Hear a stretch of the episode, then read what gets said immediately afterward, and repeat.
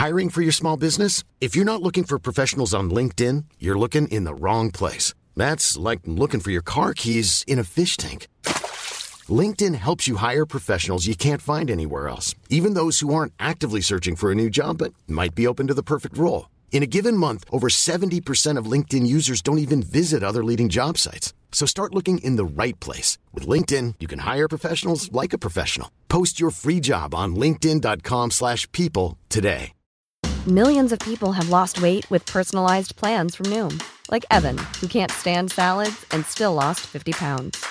Salads generally for most people are the easy button, right? For me, that wasn't an option. I never really was a salad guy. That's just not who I am. But Noom worked for me. Get your personalized plan today at Noom.com. Real Noom user compensated to provide their story. In four weeks, the typical Noom user can expect to lose one to two pounds per week. Individual results may vary. Flexibility is great. That's why there's yoga. Flexibility for your insurance coverage is great too. That's why there's United Healthcare Insurance Plans. Underwritten by Golden Rule Insurance Company, United Healthcare Insurance Plans offer flexible, budget friendly coverage for medical, vision, dental, and more. One of these plans may be right for you if you're, say, between jobs, coming off your parents' plan, turning a side hustle into a full hustle, or even missed open enrollment. Want more flexibility? Find out more about United Healthcare Insurance Plans at uh1.com.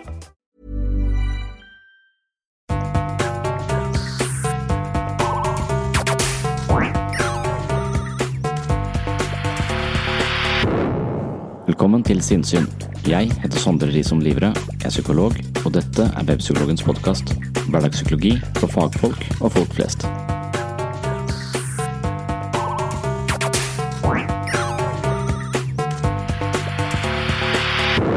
Bobby, I didn't think I'd ever need to tell you this, but I would be a bad parent if I didn't. Soccer was invented by European ladies to keep them busy while their husbands did the cooking. Jørgen Aurebekk tok kontakt fordi han hadde skrevet et lengre manus med tittelen Gudenes opprinnelse.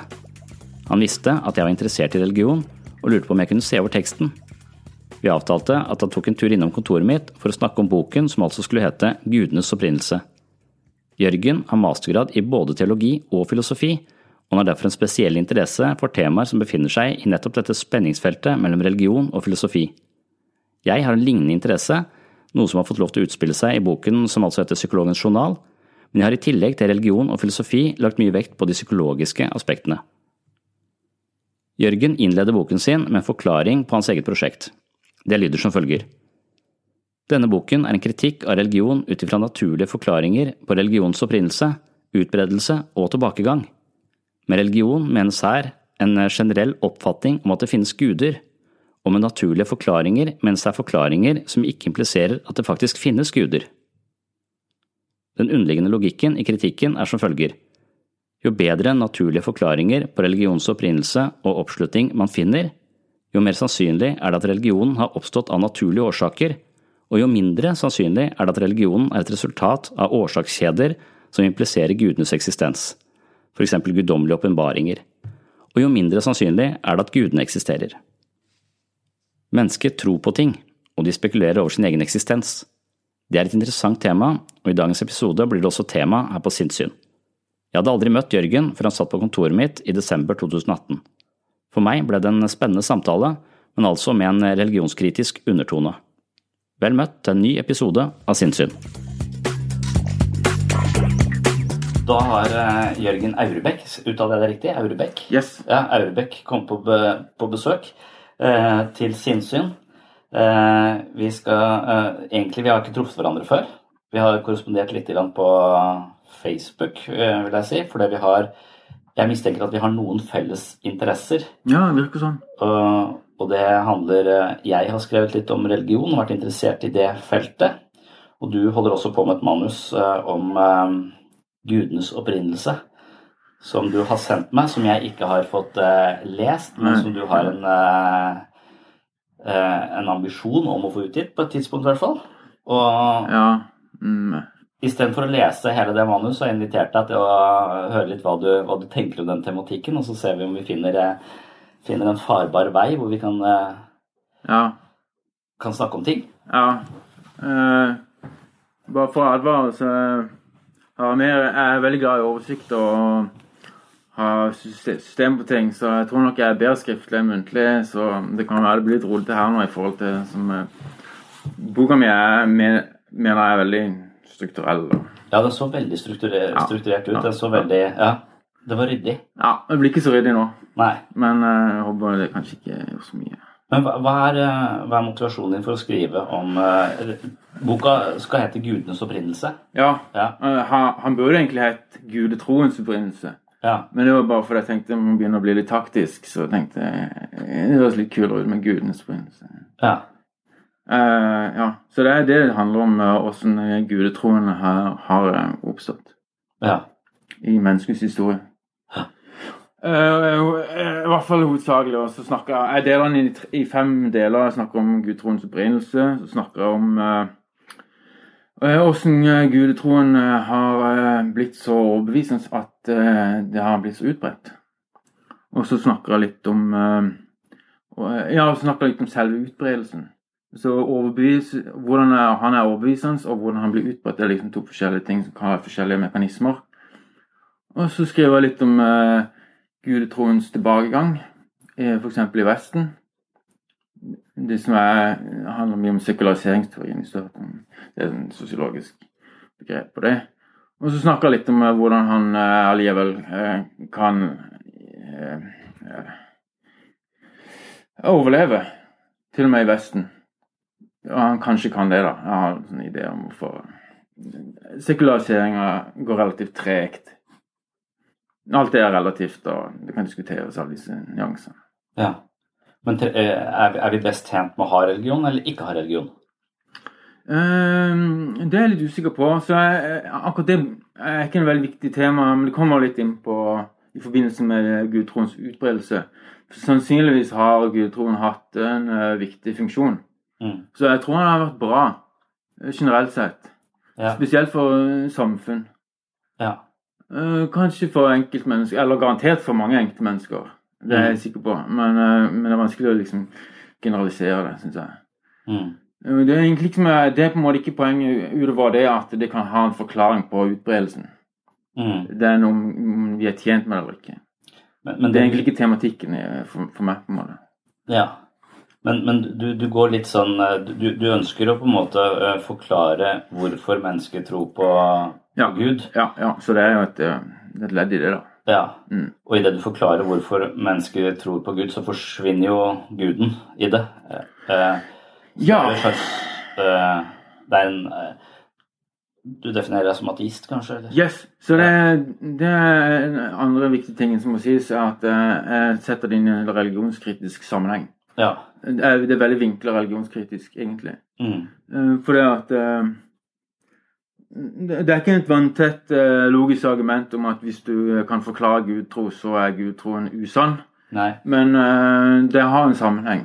Det kan brukes i, som i, i en argumentasjonsrekke, eller Mm. Men, men som en uh, relativt tungtveiende argument.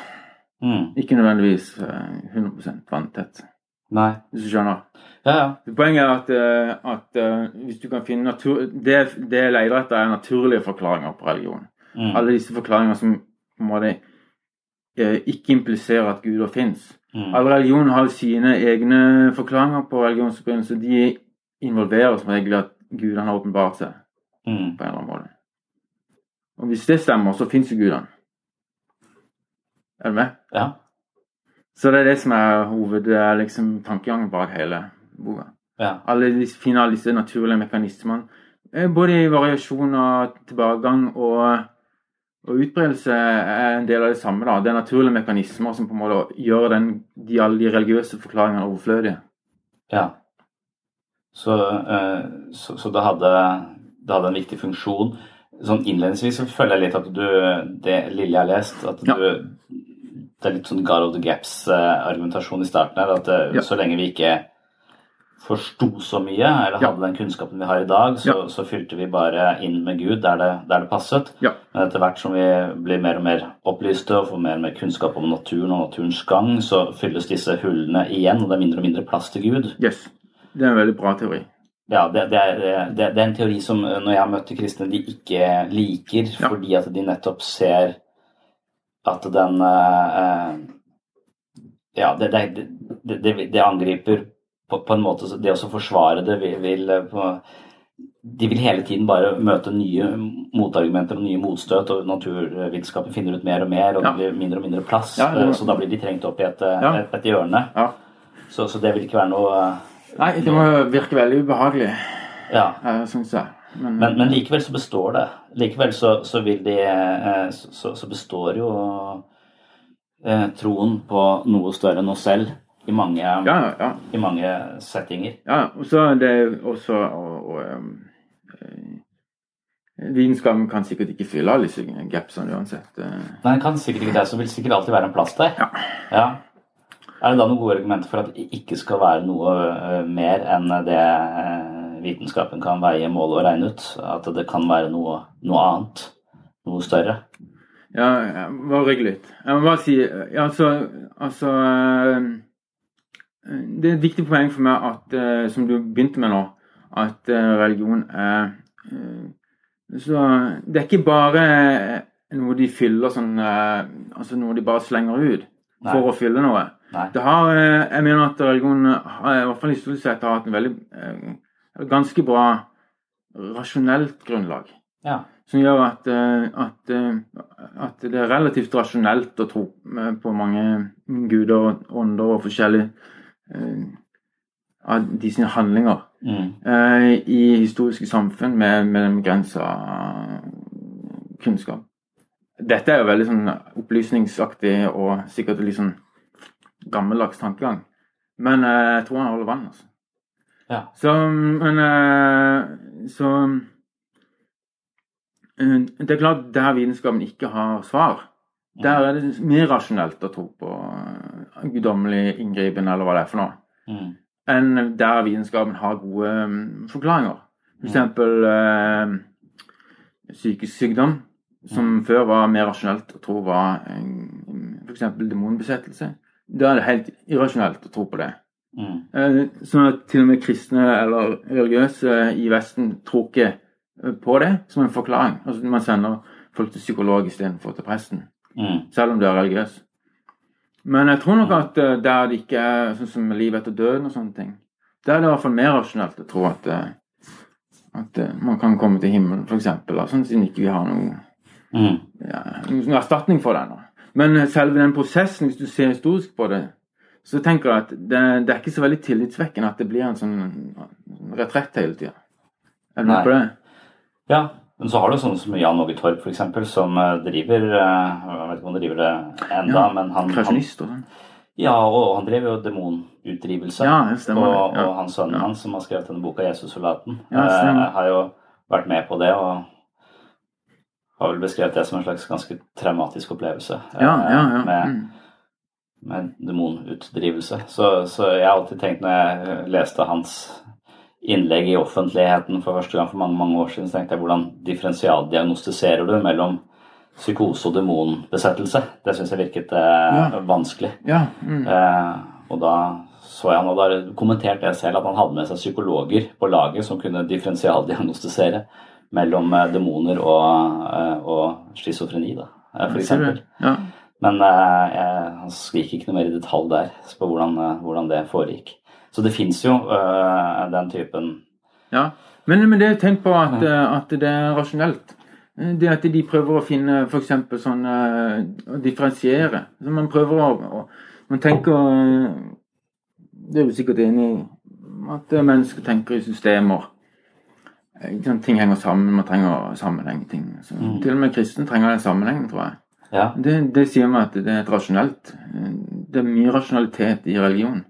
ja. Det er Så, for men jeg er interessert i hva du mener om det. for Når jeg har vært på sånne alfakurs og i bibelgrupper osv., så, videre, så så er det flere av de, spesielt menn, som sier at ja, noen bare tror eh, og, og på en måte mener at det handler om å bare hvile i en tro. Men jeg er et hodemenneske, så jeg trenger forklaringer. Jeg trenger å tro på noe som gir mening, noe som er rasjonelt. Det er mange av de som sier det, Ja. eh, og hevder det, og mener i neste omgang at de har, har ganske gode eh, rasjonelle argumenter. Blant annet han Bjørnar Davidsen, er det det han heter? Yes, som er yes, en ja. skeptiker, Mm. eh, men, også kristen.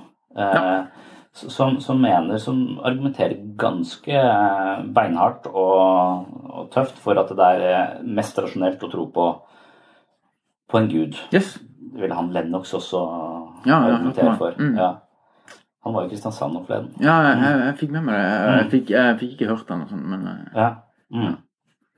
ja. Så, så hva er det rasjonelle sånn eh, hva, hva, hvor, hvor finner du de beste rasjonelle argumentene for å tro på, på en gud? Nei, altså Har du hørt om eh, koherensteori? Om kunnskap, f.eks.?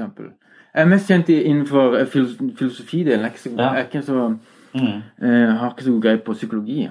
Iallfall i en sånn teori om kunnskap er at um, grunnen til at man tror på én ting, er fordi det henger sammen med mange andre ting. Mm. det, det, det er en logisk sammenheng. Mm. Sånn at eh, og, og så sier det veldig grovt, at jo større dette systemet er, jo bedre sammenhengende jo bedre jo mer sterkere tror du på den tingen. Mm.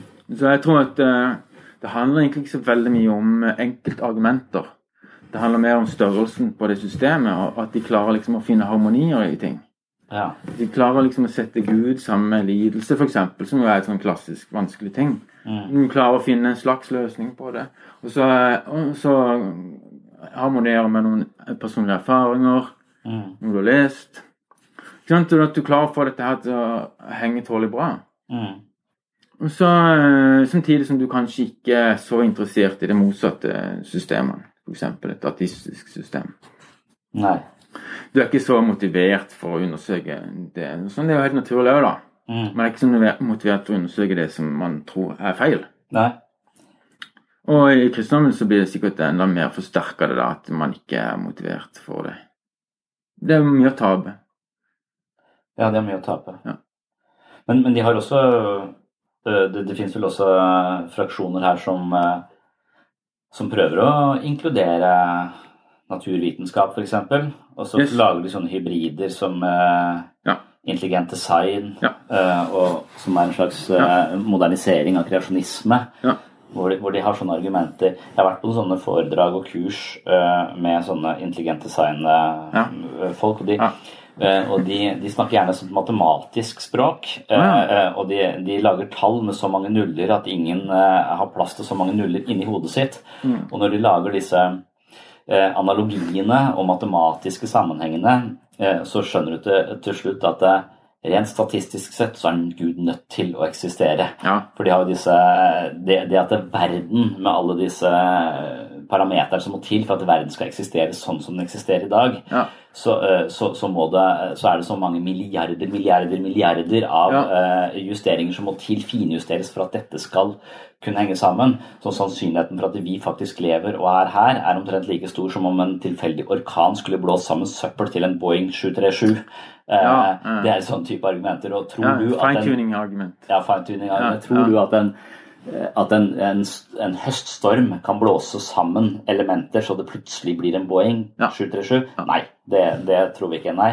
Dermed så, men det er akkurat det du, du er, står oppi. Du, står, du sitter i en Ja. Boeing 737 blåst sammen av tilfeldigheter. Neppe. Ja, Her er det en intelligent skaper bak.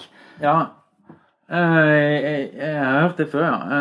Jeg, jeg, tror det finnes bra eh, motargumenter om det. er litt, eh, litt vanskelig å ta på stående fot, egentlig. Men eh, jeg tror kanskje det viktigste motargumentet Hvis vi bare skal hive oss rett på det filosofien Ja, Eh, ja. Det at Det er vel at Ja, det, er- det er på en måte en slags usannsynlig. Men det, er- det er noen problematikk med å snakke om usannsynlig på den måten.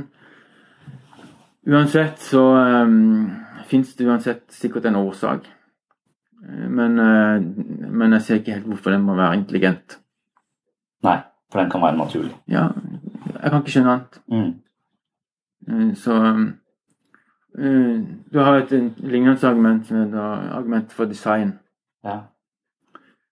Som, som tar utgangspunkt i Det er et slags analogiargument. og Du, du sier at de mest avanserte tingene i verden på en måte er menneskeskapte. Mm. De er skapt av noe med intelligens.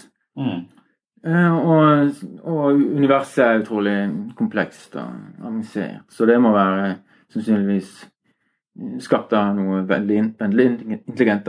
Mm. Det er på en måte en slags eh, logikk i det. Mm. Eh, Men det er liksom mange ting som kan svekke det. Mm. Eksempel at eh, Ja, eh, men eh, det er ikke bare én intelligens som har skapt eh, de tingene vi ser rundt oss. Det er liksom mange hjerner. Eh, kanskje så eh, det er mer logisk at det er mange guder, eksempel. Eh, og så har vi ikke skapt alt på 1, 2, 3. Vi har skapt gjennom en lang utvikling, en kulturell evolusjon. Ergo må mest sannsynlig at, at verden har blitt til gjennom en lang guddommelig kulturell evolusjon, f.eks. Og så eh, kan vi si at eh, på mange måter så ligner ikke naturen så veldig godt på de tingene vi har skapt. Så det er kanskje en vesentlig forskjell mellom de tingene vi har skapt, og det som vi finner i naturen. Ergo er kanskje årsakene vesentlig forskjellige på en annen måte, at det må være intelligens da. Ja. Et motargument er vel at dette er en slags misforståelse av evolusjon, egentlig. Og så argumentere på den måten eh, for intelligent design. Jeg hørte en svenske, Christer Sturmark, som er ordfører for humanistene i Sverige. Ja, Han, han har dette argumentet med, med terninger for å forklare evolusjonen. Han sier at eh, hvis du har 20 terninger, eh, hva er sjansen for at du kan kaste 20 terninger og få 20 seksere? ja, Og så kan man regne ut det hvor det er et eller annet sånt tall opphøyd i et eller annet som blir så stort at det er ikke plass til det i verden. ja. Så det er veldig usannsynlig å kaste eh, 20 terninger og få 20 seksere. Eh, men det er ikke sånn evolusjon fungerer. Eh, evolusjon handler om å få eh, en slags yatzy med å få eh, 20 seksere til slutt, men evolusjon kaster terningene, og så får den to seksere, og så sparer den- på de. Og så kaster den en gang til, og så får den kanskje ingen seksere, men så kaster den en gang til, og da får tre seksere, og da har den plutselig fem seksere. Mm. Eh, Så det, er- er- er den prosessen der som, eh, langsomt eh, eh, gir verden denne kompleksiteten og, og Ja. alt det som vi sparer på, som har overlevelsesverdi, det består og utvikler seg videre til nye um, mutasjoner og Ja, jeg, jeg jeg er helt enig, og det er et veldig sterkt argument. Så det gjør at uh, Du kan ikke bruke designargumentet på livsformen Nei. sånn som vi ser det i dag. Nei. Du kan kanskje bruke det på universet som helhet, eller Mm. livets opprinnelse. Selv om Mm. der finnes det teorier som, som Ja, problematiserer det. ja. Så eh, Right. Men da he- he- heier vi oss egentlig på noe som ikke ja, som ikke er akkurat mitt ditt I felt. hvert fall ikke det jeg holder på med akkurat nå. da. Nei. Jeg er på en måte filosof, da, så det er jo litt mitt felt. òg, Men eh, Du er filosof? ja. Mm. Mm. Så, så jeg har vært borti de tingene. Altså. Mm. Ja. Mm. Tenkte jeg skulle utsette det til et annet bind. Ja, men hva vil du, eh, hva vil du trekke frem som et sentralt argument fra det manuset du har på, på blokka nå, da? Ja, nei, altså, altså Det som jeg tenker at man må hovedsakelig se ting i um, Man må tenke at det er ikke ett argument. F.eks. det som jeg skriver om eh, eh, forklar, naturlige forklaringer på religions opprinnelse, altså gudtroens opprinnelse. Så er det sannsynligvis flere mekanismer som samvirker. Det vil si at det er liksom flere argumenter. Mm. Eh, Så um, ikke en mekanisme, en forklaring. Så, eh, så jeg tror ikke at det nødvendigvis er så lett, og egentlig ikke så viktig å fremheve det viktigste. Men det, det er jo mange det, må, Hvis vi tar f.eks. gudtroens opprinnelse det er alle, Hvordan man i det hele tatt har kommet på ideer, så finnes det jo forskjellige eh, psykologiske forklaringer. F.eks. at um, mennesket har en slags um, F.eks. det grunnleggende trekk trekket ved mennesket at vi har en teori om andres bevisstheter. Yeah, Theory of mind. Yes. Yeah. At det er et viktig element. Eh, Og kanskje en forutsetning. Men eh, jeg syns det er vanskelig å si at det er en slags eh, At en kan stå alene som forklaring, men det kan være en slags forutsetning. Hvordan er det en forutsetning? Ja, for det at um, eh, guder og ånder er usynlige. I utgangspunktet så um, sannsynligvis har um, Så det at du kan liksom se for deg at det er noe der som ser deg, selv om ikke det, selv om ikke det er um, eh, en kropp okay. det, At det henger sammen med det at du, har- at du har noe evne til til å føle deg sett. Eller at du kan se deg sjøl utenfra. Ja. Jeg tror det er en sånn, sånn sammenheng. Som er en viktig forutsetning for å kunne ha ideer om, om eh, ånder i det hele tatt. For de har ikke noen kropp. Du kan liksom ikke forestille en, en, en, eh, en person som ser sånn og sånn ut. Nei. Noen har kanskje det, men ja. Ja, og så setter man det i sammenheng med f.eks. at man har muligens et instinkt for å oppdage andre bevisst eh, farer, sånn som dyr og fiender. Dette er jo sånn, eh, sånn eh, Hvis vi går tilbake til tidlig menneskets utvikling, så eh, har vi en sånn over, overtendens til å oppdage dette. Du, du blir liksom ekstra redd og ekstra på vakt. Og det setter på en måte fantasien i sving. Mer enn på en måte det som er rasjonelt. på en måte. Det, det er liksom en, en um, tanke om at det er en, en ting de overdriver fordi det at det er rasjonelt å overdrive. Det er, det er mer rasjonelt å tolke og feiltolke en gang for mye at det er en fiende der, enn å feiltolke en gang for lite. Er Ja. med? Ja, det er et vanlig sånn eh, angstargument Yes, eh, hvor, yes, man, ja. hvor man tenker at det, det er bedre å, Ja. å tro at det som blafrer i periferien, er en eh, løve enn en busk. For hvis du tenker at det er sikkert bare en busk, så dauer du hvis det er en løve. Ja. Men, men hva har det med gudetro å- Ja, at, at, at det, det er en Sett av fantasien, det det er en overivrig fantasi. Som er en del av det at man kommer på disse ideene om bevisste vesener som forårsaker ting, og som på en måte fins rundt det. Ok, ja. det. Det er ikke så overbevisende. Nei, Men det sier litt om eh, Det, det, kan, det er en sånn innledning til at eh, hva som kan hva, Hvordan fantasien vår kan på en måte til en viss grad eh, nærme oss litt, på en måte. Mm. Mm. Men, men så, så du tenker mer selvbevisstheten vår, eller metakognisjonen vår, evnen til å tenke på vår egen tankegang, Ja. der er vi litt doble i oss selv, eh, nærmest. Så vi kan jo på en måte bli veldig selvbevisste. Ja. Eh, og denne selvbevisstheten, eh, hvis, vi ikke, hvis vi ikke forstår det som selvbevissthet, så tenker vi kanskje at det er noen andre som er bevisst oss. ja. Et Og eller at, annet det, sånt. at dette er en, et guddommelig øye som, som ser oss. Mm. Uh, og det skriver jeg også litt om uh, i, i den jeg kaller psykologens journal. For jeg, uh, på dette kontoret hadde to pasienter på samme dag. eh, eh, som, eh, som kom fra samme menighet. eh, og som hadde, som hadde dette øyet som ser de. Mens den ene personen var på en måte nyfrelst. Han kom hit og sa at nå tror jeg ikke jeg trenger mer behandling. for det at eh, Eh, Og så sier jeg nei vel, hvorfor det? Hva har skjedd? Eh, nei, du vil sikkert ikke tro på det, for han visste hva jeg mente om, om religion. Og så sa han det likevel. ja, jeg har blitt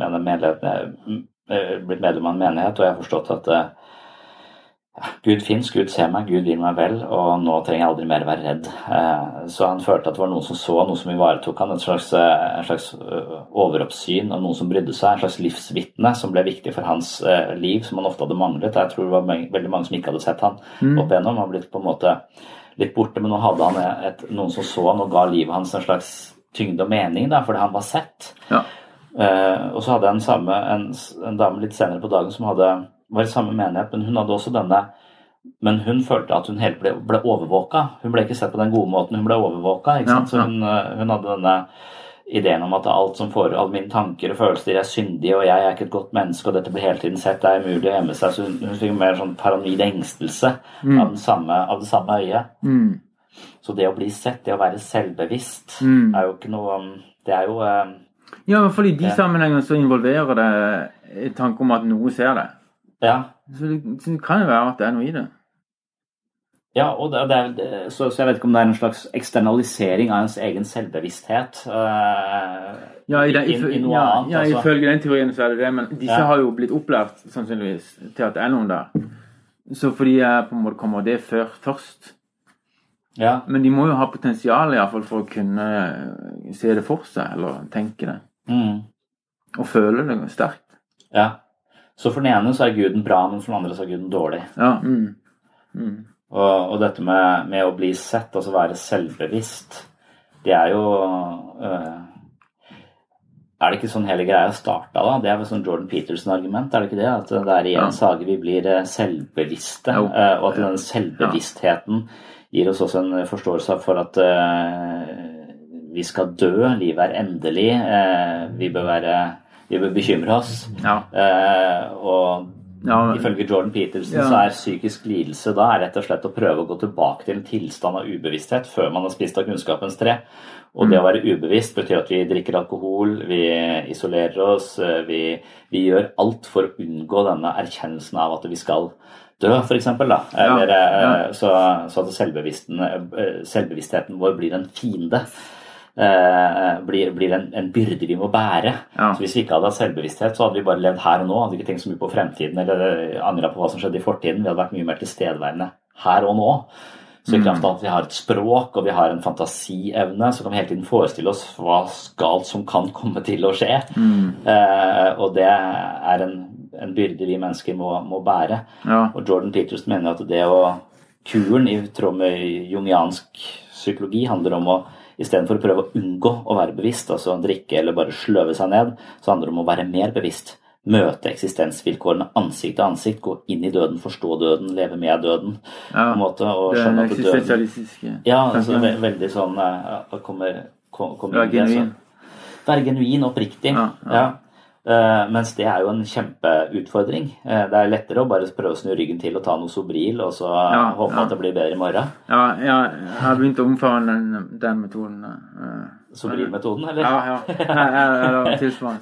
Nei, men, eh, men eh, eh, Nei, egentlig ikke, da. Men eh, eh, Eller på sett og vis, da. Men, eh, men eh, Ja, altså det med John Peterson Han eh, Jeg er ikke helt sikker på om jeg klarer å sette det i sammenheng med, med min, men, men i hvert fall det med at du, at du er selvbevisst, og at det kan ha noe med ja, at du har evnen til å tenke deg guddommelige vesener på en eller annen måte. Mm. Det er et poeng.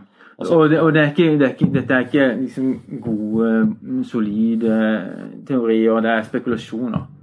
Ja, Men, men, det, kan du- men er det viktig å liksom ikke legge for mye vekt på det, da. Men det handler om at uh, på en eller annen måte så må jo mennesket ha eh, Et livsvitne. Ja, altså, nei, på, på en eller annen måte så må mennesket ha klare å se for seg dette. Disse guddommelige vesenene. Så, Ja.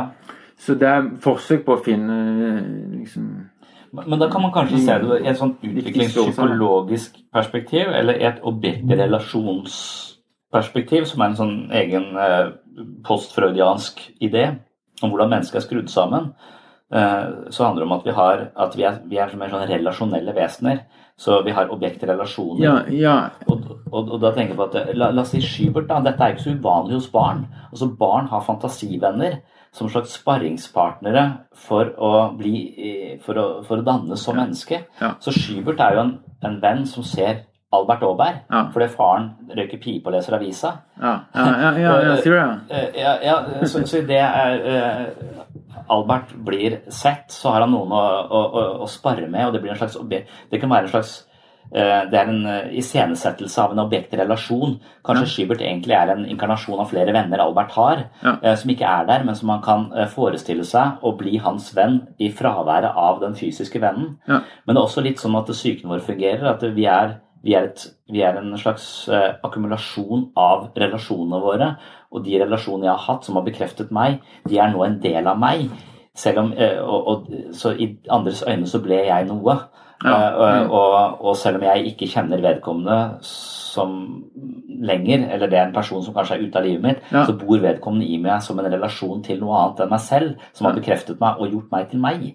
Mm. Og idet vi kanskje har nok av de, så er det kanskje ikke vi trenger så mange guder, men i det vi kanskje men det å ha en, en gud kan være en, et slags eh, Ja. objekt. Et Ja, relasjonsobjekt. Ja, en slags projeksjon sånn. Men, ja, men, men, men det med at, eh, at eh, barns eh, eh, fantasivenner Er det en forklaring på barns fantasivenner som måte, har blitt framsatt? på en måte? Så er det som en slags eh, teori? Usikker eh, på om jeg kan dokumentere. Jeg bare husker jeg skrev om det selv en gang. Ja. For jeg fikk et spørsmål om, eh, om eh, fantasivenner er en bra eller en dårlig eh, ting. Ja. Så det er, ikke, det er ikke alle barn som har det, men en del barn har det. Ja. Og Albert Aabert har, har det. Så det er liksom kjent i barnelitteraturen. Ja. Mm. Jeg, jeg, lyst, jeg, jeg, skriver litt om det. Nå husker jeg ikke helt hvor mange barn som har hatt det. Men Jeg trekker ikke så mange konklusjoner fra det, men det er på en måte interessant. Ja, men det er, det er også i det, det rommet på en måte hvor man at det er akkurat som leken er rommet mellom barnet og virkeligheten. Mm. Så i leken, i fantasien, så kan barnet trene på, eh, på virkeligheten, eller ruste seg for, eh, for, for virkeligheten. Mm. og, og det å ha usynlige venner kan være en del av det. Men Ja. man kan jo også si at, eh, at en, en gud eh, som har bestemte meninger, bestemte holdninger, bestemte krav, vil være ganske sånn ha en dannende funksjon, en usynlig instans som en dannende funksjon på karak min karakterutvikling. Eh, Ja, ja, sånn, ja. Eh, Så at, så at man har tenkt at det, hm, alt det som er bra med å være menneske, eh, det er alt det vi trenger av disiplin og medmenneskelighet og raushet osv., eh, det installerer vi i et eh, kollektivt eh, objekt Ja. som vi kan forholde oss til. Ja. Eh, og dermed så blir vi litt sammensveisa, for vi har, vi har en felles objektrelasjon, kan man si. Ja. Eh, Ja, ja, ja. eh. Det, er, det er bra spekulasjoner. Men, men, eh, men, eh, men, eh, Men du tror ikke på det? Ja, jo, Ja. men eh, jeg, jeg syns det er veldig, veldig vanskelig å legge de for mye vekt på det. ja. At det, det er veldig vanskelig å bekrefte ordentlig empirisk og sånn. ja. Men jeg liker, jeg liker å ha det med for at jeg liker, det, Spekulasjoner kan ha en verdi i seg sjøl. ja. Så lenge vi er liksom veldig åpne og ærlige om hvilken troverdighet vi skal tillegge dem. Så, så poenget i boka di er at dette vil være en av tusen faktorer som kan forklare gudenes opprinnelse. ja, ikke tusen, men eh, Mange, Ja, mange, mange, da. Men, eh, ja, men for eksempel. Mm. For Hvis vi skriver om eh, Kom inn på Piaget og sånn eh, Ja. Hva du kaller det? Barnepsykologi? Utviklingspsykologi? er det? Ja, men Piaget er en typisk Ja, ja, ja. utviklingspsykologisk teori ja, om barns kognitive utvikling. Ja, for han, han intervjuer jo barn Mm. om eh, Ja eh, eh, Om eksempel hva de mener om sol, sola Mm. og månen og sånne ting. Og det er, det er veldig overraskende for meg som ikke har så mye greie på det. Men, men de antropomorfiserer veldig. Ja. Det, er ganske interessant. Mm. Men eh, for eksempel, altså, det betyr at de menneskeliggjør um, Ja. naturen. Mm. Eh, Det er, det er et i, i, i Ja, ja, animisme og ja. ja. Mm. Så jo tidligere, jo mer eh, bevissthet tillegger de naturen. Mm. Så, så, der har du det litt fra at vi tillegger eh, fra et barnetid, altså vi tillegger til og med døde gjenstander bevissthet. Yes. Det er veldig åpenbart når man har barn, for at det ser det, en bamse har Ja. helt åpenbart en bevissthet. Ja, ja, jeg skjønner ikke det. Så, eller jeg har ikke barn, så, Det var veldig overraskende for meg. okay, ja. Så jeg måtte teste med min nevø. og Sånn, ja, hva tror du sola tenker i dag? og Sånn. Ja. Så fikk jeg en svar som er liksom Herre min, Ja. kan du tro at de har, liksom, har intensjoner? Det er veldig rart. ja. Men, eh, men eh, det er interessant, da, syns jeg. Kalles det teleologisk? Eller? Ja, ja ja. Um, uh, Ja, eh, teleologi er at eh, ting er målretta. Mm. Så um, Så uh, barn tenker for eksempel uh, så, eh, For eksempel Jeg kan dele inn tre ting. da. Det ene er at de har eh, Jeg tror at sola har eh, bevissthet. Mm. Den har intensjoner. Så det er på en måte tilskriver han rett og slett et slags menneskelig bevissthet. Og Så kan de tenke at naturen uh, generelt sånn, har en slags målrettethet. Det vil jeg kalle kanskje teologisk. Mm. Uh, at, uh, at ting er til for noe. For eksempel øret er for at du skal høre. Uh, Trærne har greiner sånn at fuglene kan sitte på dem. Sant? Alt har liksom en formål. Det er en sånn en slags kanskje litt mer sånn abstrakt eller generell teologi. teleologi. Mm. Og så har jeg en tanke om at eh, at, eh, at alt har blitt skapt av noe. Noen, mener jeg. En, eh, en, en slags bevisst skaperhandling. Som jeg tror jeg kalles artig fikasjonalisme. Ja. Det er uinteressant hva det heter for noe. Men jeg eh, eh, Så hvis du spør dem hva sånn at den blir til, og sånn, den, den innsjøen eller det fjellet Jo, ikke sant, de, de prøver å finne en slags noen har lagd det en eller annen gang. Ja.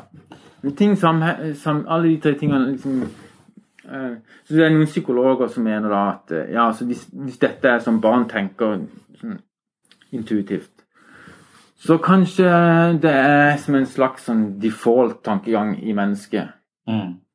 Men som i løpet av historien eh, er noe vi har lært oss til er feil. Fordi vi har den mekanistiske tankegangen om at allting er Verden er mer i Den er ikke så bevisst. Den er mer eh, som en maskin.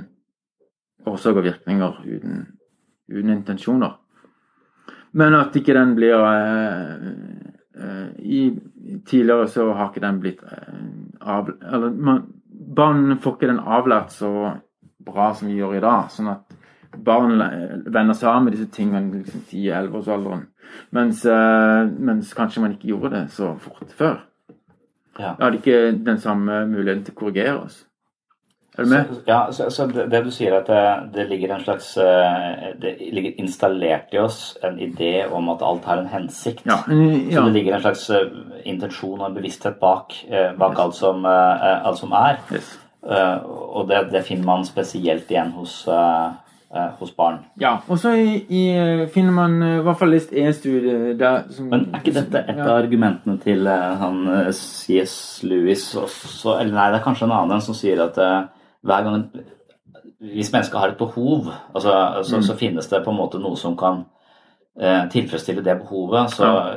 vi, har, vi har evnen til å være tørst, og det finnes Mm. vann. Altså, så, eh, eh, så, så siden vi har denne evnen til å tro, eh, Ja. og det ligger så latent i oss å tro at det ligger en årsak bak alt, Ja, så må det finnes en årsak bak alt, for vann finnes, og Gud finnes. Yes, ja, eh, bra. Det er et slags analogiargument. Ja, Ja. Det, hørtes, det er ikke så dumt. Nei. Men jeg har hørt det, ja. Mm. Uh, jeg kan ikke argumentere kanskje imot på stående fot heller. Så må la det være et ok argument. Eh, Men uh, ja, eh, kanskje at Ja, ja man kan jo spørre om hvor får vi alle behovene våre oppfylt, egentlig? Ja. Som ikke blir fylt av guddommelig. Jeg er ikke så sikker. Nei. Men hvis du skal fortsette din, eh, ditt resonnement i boken her, da, så nå, nå har du, nå har du barnet, eh, barnets på en måte iboende Ja. tendenser til å, mm. til å tro på en årsak og en, en Ja. slags målrettahet Ja, i, i så, naturen. ja, og dette er veldig sånn instinktive eller intuitive, intuitive ting som ikke Mm. så, har du noen som, er, som har, var mer populære før, som er mer rasjonelle. For eksempel at, eh, at du prøver å finne en forklaring. Altså rasjonelt prøver å finne en forklaring på hvordan verden har blitt til. Ja. Eh, eller eh, rasjonelt prøver å tenke deg hva skjer når vi dør? Hva skjer Ja. med eh, bevisstheten? Ja. eh, for eksempel at eh, eh, Åndetro finnes jo overalt. Eller man, de fleste steder tror man at sjelen overlever døden. Mm. Det kan være at det er en sammenheng mellom det og åndetro og gudetro. Mm. Sånn At, eh, for det er ofte en sammenheng at eh, de døde sjelene, eh, i hvert fall noen av de kan komme igjen som ånder. Mm. Noen av de er mektigere enn andre. Sjeler til døde høvdinger. Mm. Og sånne sjeler til døde sjamaner, f.eks. Spesielle krefter. Som Mm. minner veldig om ånder og små guder. Mm. Mens, eh, mens eh, Så det kan være at det har kommet, gått en utvikling eh, fra spekulasjoner over sjeler og ånder. Sånn. Mm. En annen eh, rasjonell tankegang er eh, spekulasjon over de store naturfenomenene. Eh, sola Mm. og um, verdens skapelse. Katastrofer, ikke sant? Um, eh, torden, som er veldig dramatisk. eh, egentlig veldig dramatisk. Og det er veldig vanskelig å bare få skyte inn da, det er veldig vanskelig å tenke om dette her i vår tid. Fordi vi er så, vi er så fortrolige med disse tingene som naturlige mekanismer. Det, er- du må ha en viss eh, innlevelse hvis du skal forstå hvor dramatisk torden kan være for, for liksom Ja, men dette blir som God of 50 Gaps 000 år eh, igjen, at, at så lenge vi ikke visste, så trodde vi at det var Thor. Ja, ja, ja, ja men, eh, Men, eh, men, eh, men akkurat de tingene som torden og naturfenomener er på en måte da, det, Ja, det er på en måte God of the gaps, men eh, det, det har en slags rasjonalitet, tror jeg. Det, det er rasjonelt så lenge det er uvitende, på en måte. Ja, Men, men så, ja. så, fort, så, så fort du får eh, tilført kunnskap som eh, Ja, er men kan- overbevisende, ja. så vil du ikke lenger tro på Ja, men det eh, er ganske mye kunnskap som skal til, tror jeg. Sånn eh, historisk sett. Ja. Det tar ganske lang tid før man på en måte eh, så, så, så man er rasjonell og ser etter sammenhenger, f.eks. sammenhenger mellom eh, sjamanen som gjør f.eks. reindans, og at reinen kommer. Eh, og, og Sånne sam- sammenhenger kan man finne. De, de vil ikke holde vann eh, hvis du studerer de og skriver ned og, og, og, tenker over lang tid og liksom er veldig empirisk og, og vitenskapelig. Men eh, de, det er nok sannsynligvis mulig å se en del sammenhenger likevel. Og, og så lenge det ikke er noen alternativer, Mm. så er det, så er det rasjonelt. Du kan, Ja. alltid, du kan alltid liksom si ja, men det, det, det er kanskje en svak teori. Det, det, er- det, Ja. Men den er allikevel eh, Det er rasjonelt fordi man mangler metodelære, det der. Ja, Eh, altså, ja. sånn, og, og for, forståelse av kausalitet. Ja. Altså, og hvilken vei kausaliteten på en måte går. Sånn. Ja, eller jeg tror kanskje man har en relativt grei forståelse av kausalitet, men man har ikke måten har ikke eh, midlene til å se At A ikke alltid, selv om A Ja. fører til B, så trenger ikke A å være en forutsetning for at B skal Nei, for, Skje? nei, du tenker over korrelasjon, ikke alltid Ja. nødvendigvis kausalitet. Ja, det, det, det er sant. Men, eh, men det er ofte sånn vi finner kausalitet med å se etter korrelasjoner. Så det, det er jo rasjonelt. mm, Ja. Så, så Ja, så det, det har liksom har en, en, en slags forkjærlighet for å tenke om mennesker som rasjonelle, og at de kan forklare en god del ting. ja. Eh, Så Men man, man må forstå det i, i, i lys av den kunnskapshorisonten de lever under. ikke sant? Ja. Og ut ifra de metodene og de, den teknikkene de har tilgang til. ja. Men, men eh, Den, utvik, den har utviklet seg hele tida. Så det som er rasjonelt for eh, 50 år siden, er ikke rasjonelt i dag. Nei. Det er livet rasjonelt. Ja, Sånn, ja. du Ok. er med. Det, det, det skjønner jeg. Men, eh, men da er det neste kapittelet, neste spørsmålet, hvordan kan du overleve med kunnskap?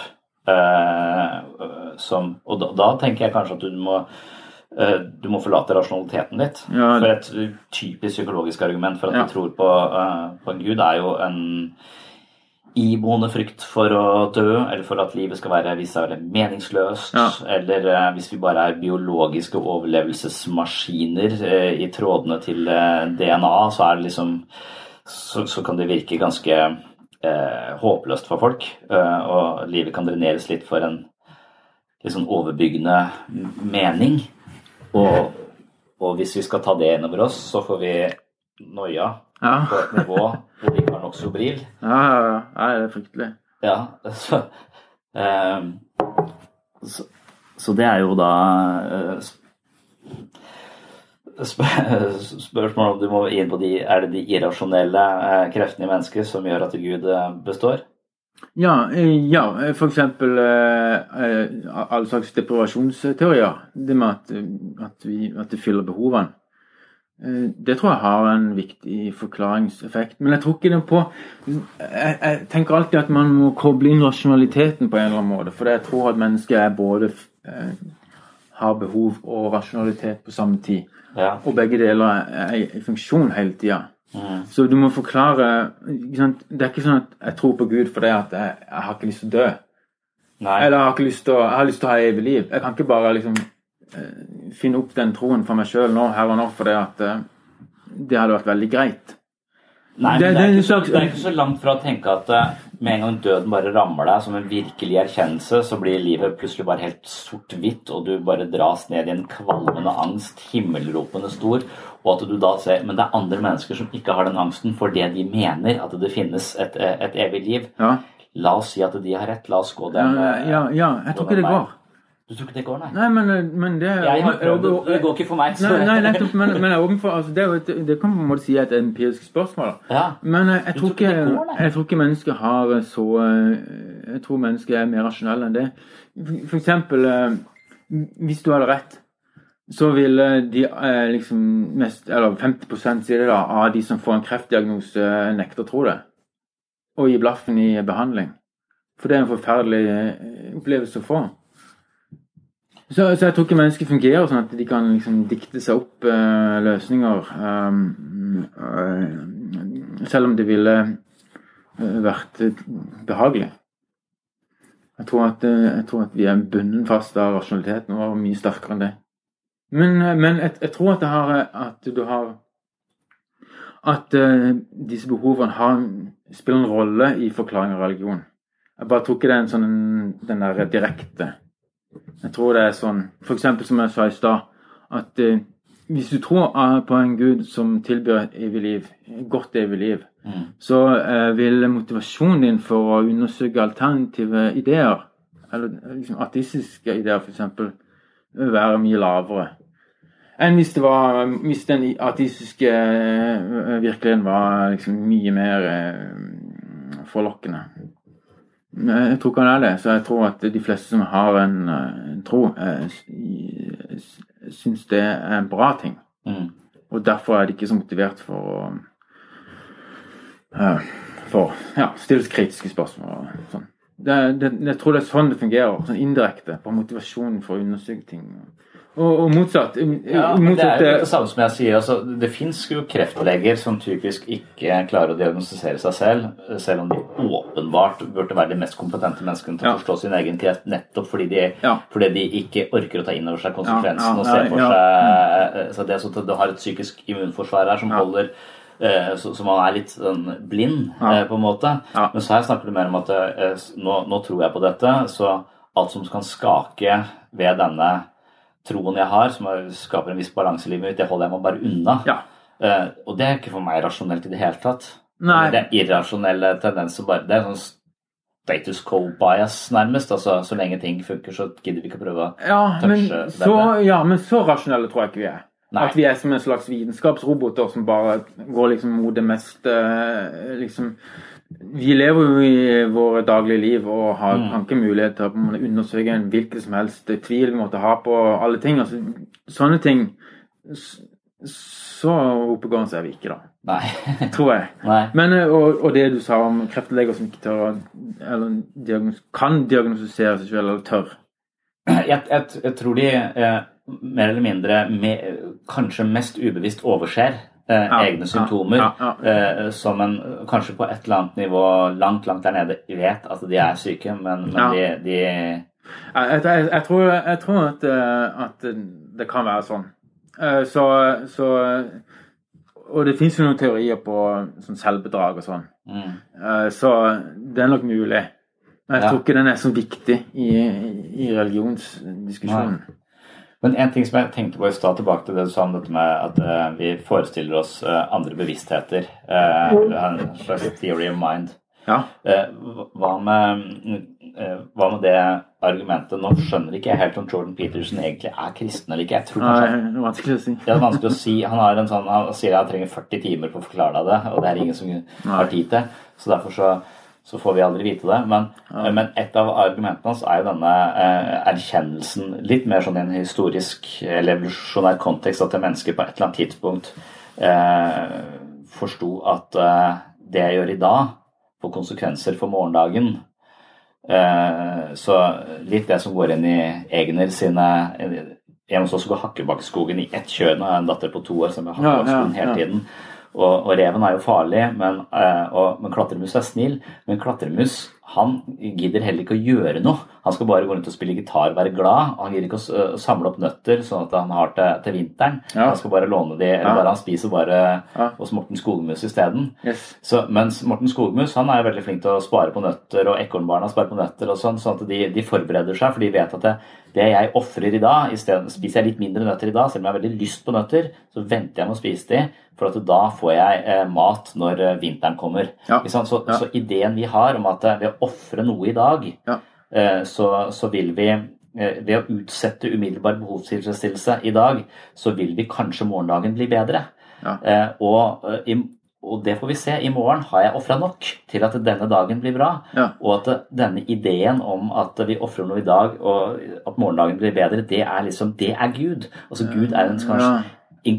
Inkarnasjon av den ideen. Han er dommeren eh, i fremtiden som sier om du har levd bra eller ikke bra nok.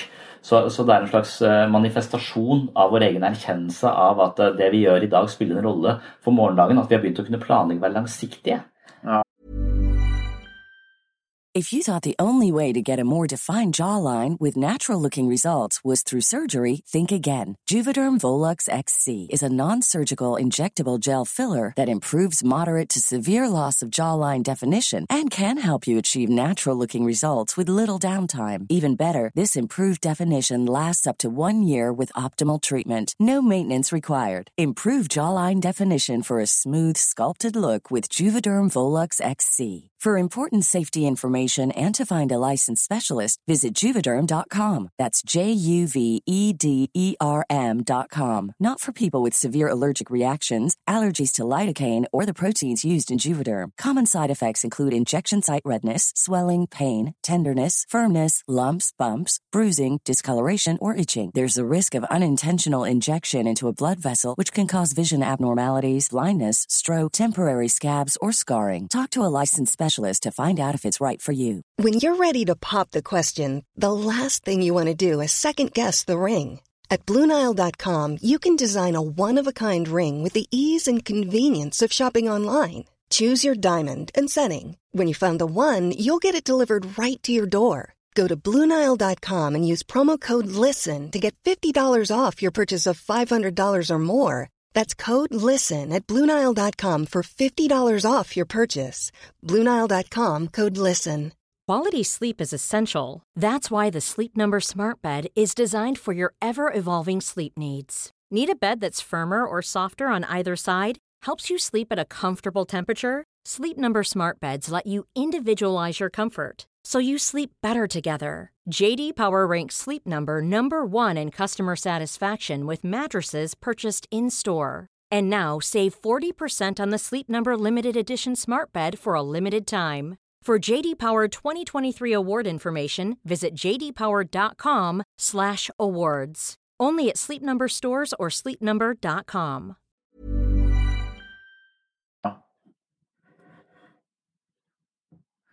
Ja, det, det um, Ikke et godt nok argument? Ja, altså, ja, altså jeg liker ikke sånne Ja, altså at, at Jeg er ikke så glad i sånne ting som Ja, at Gud symboliserer utsettelse av belønning eller, eller sånn. Altså.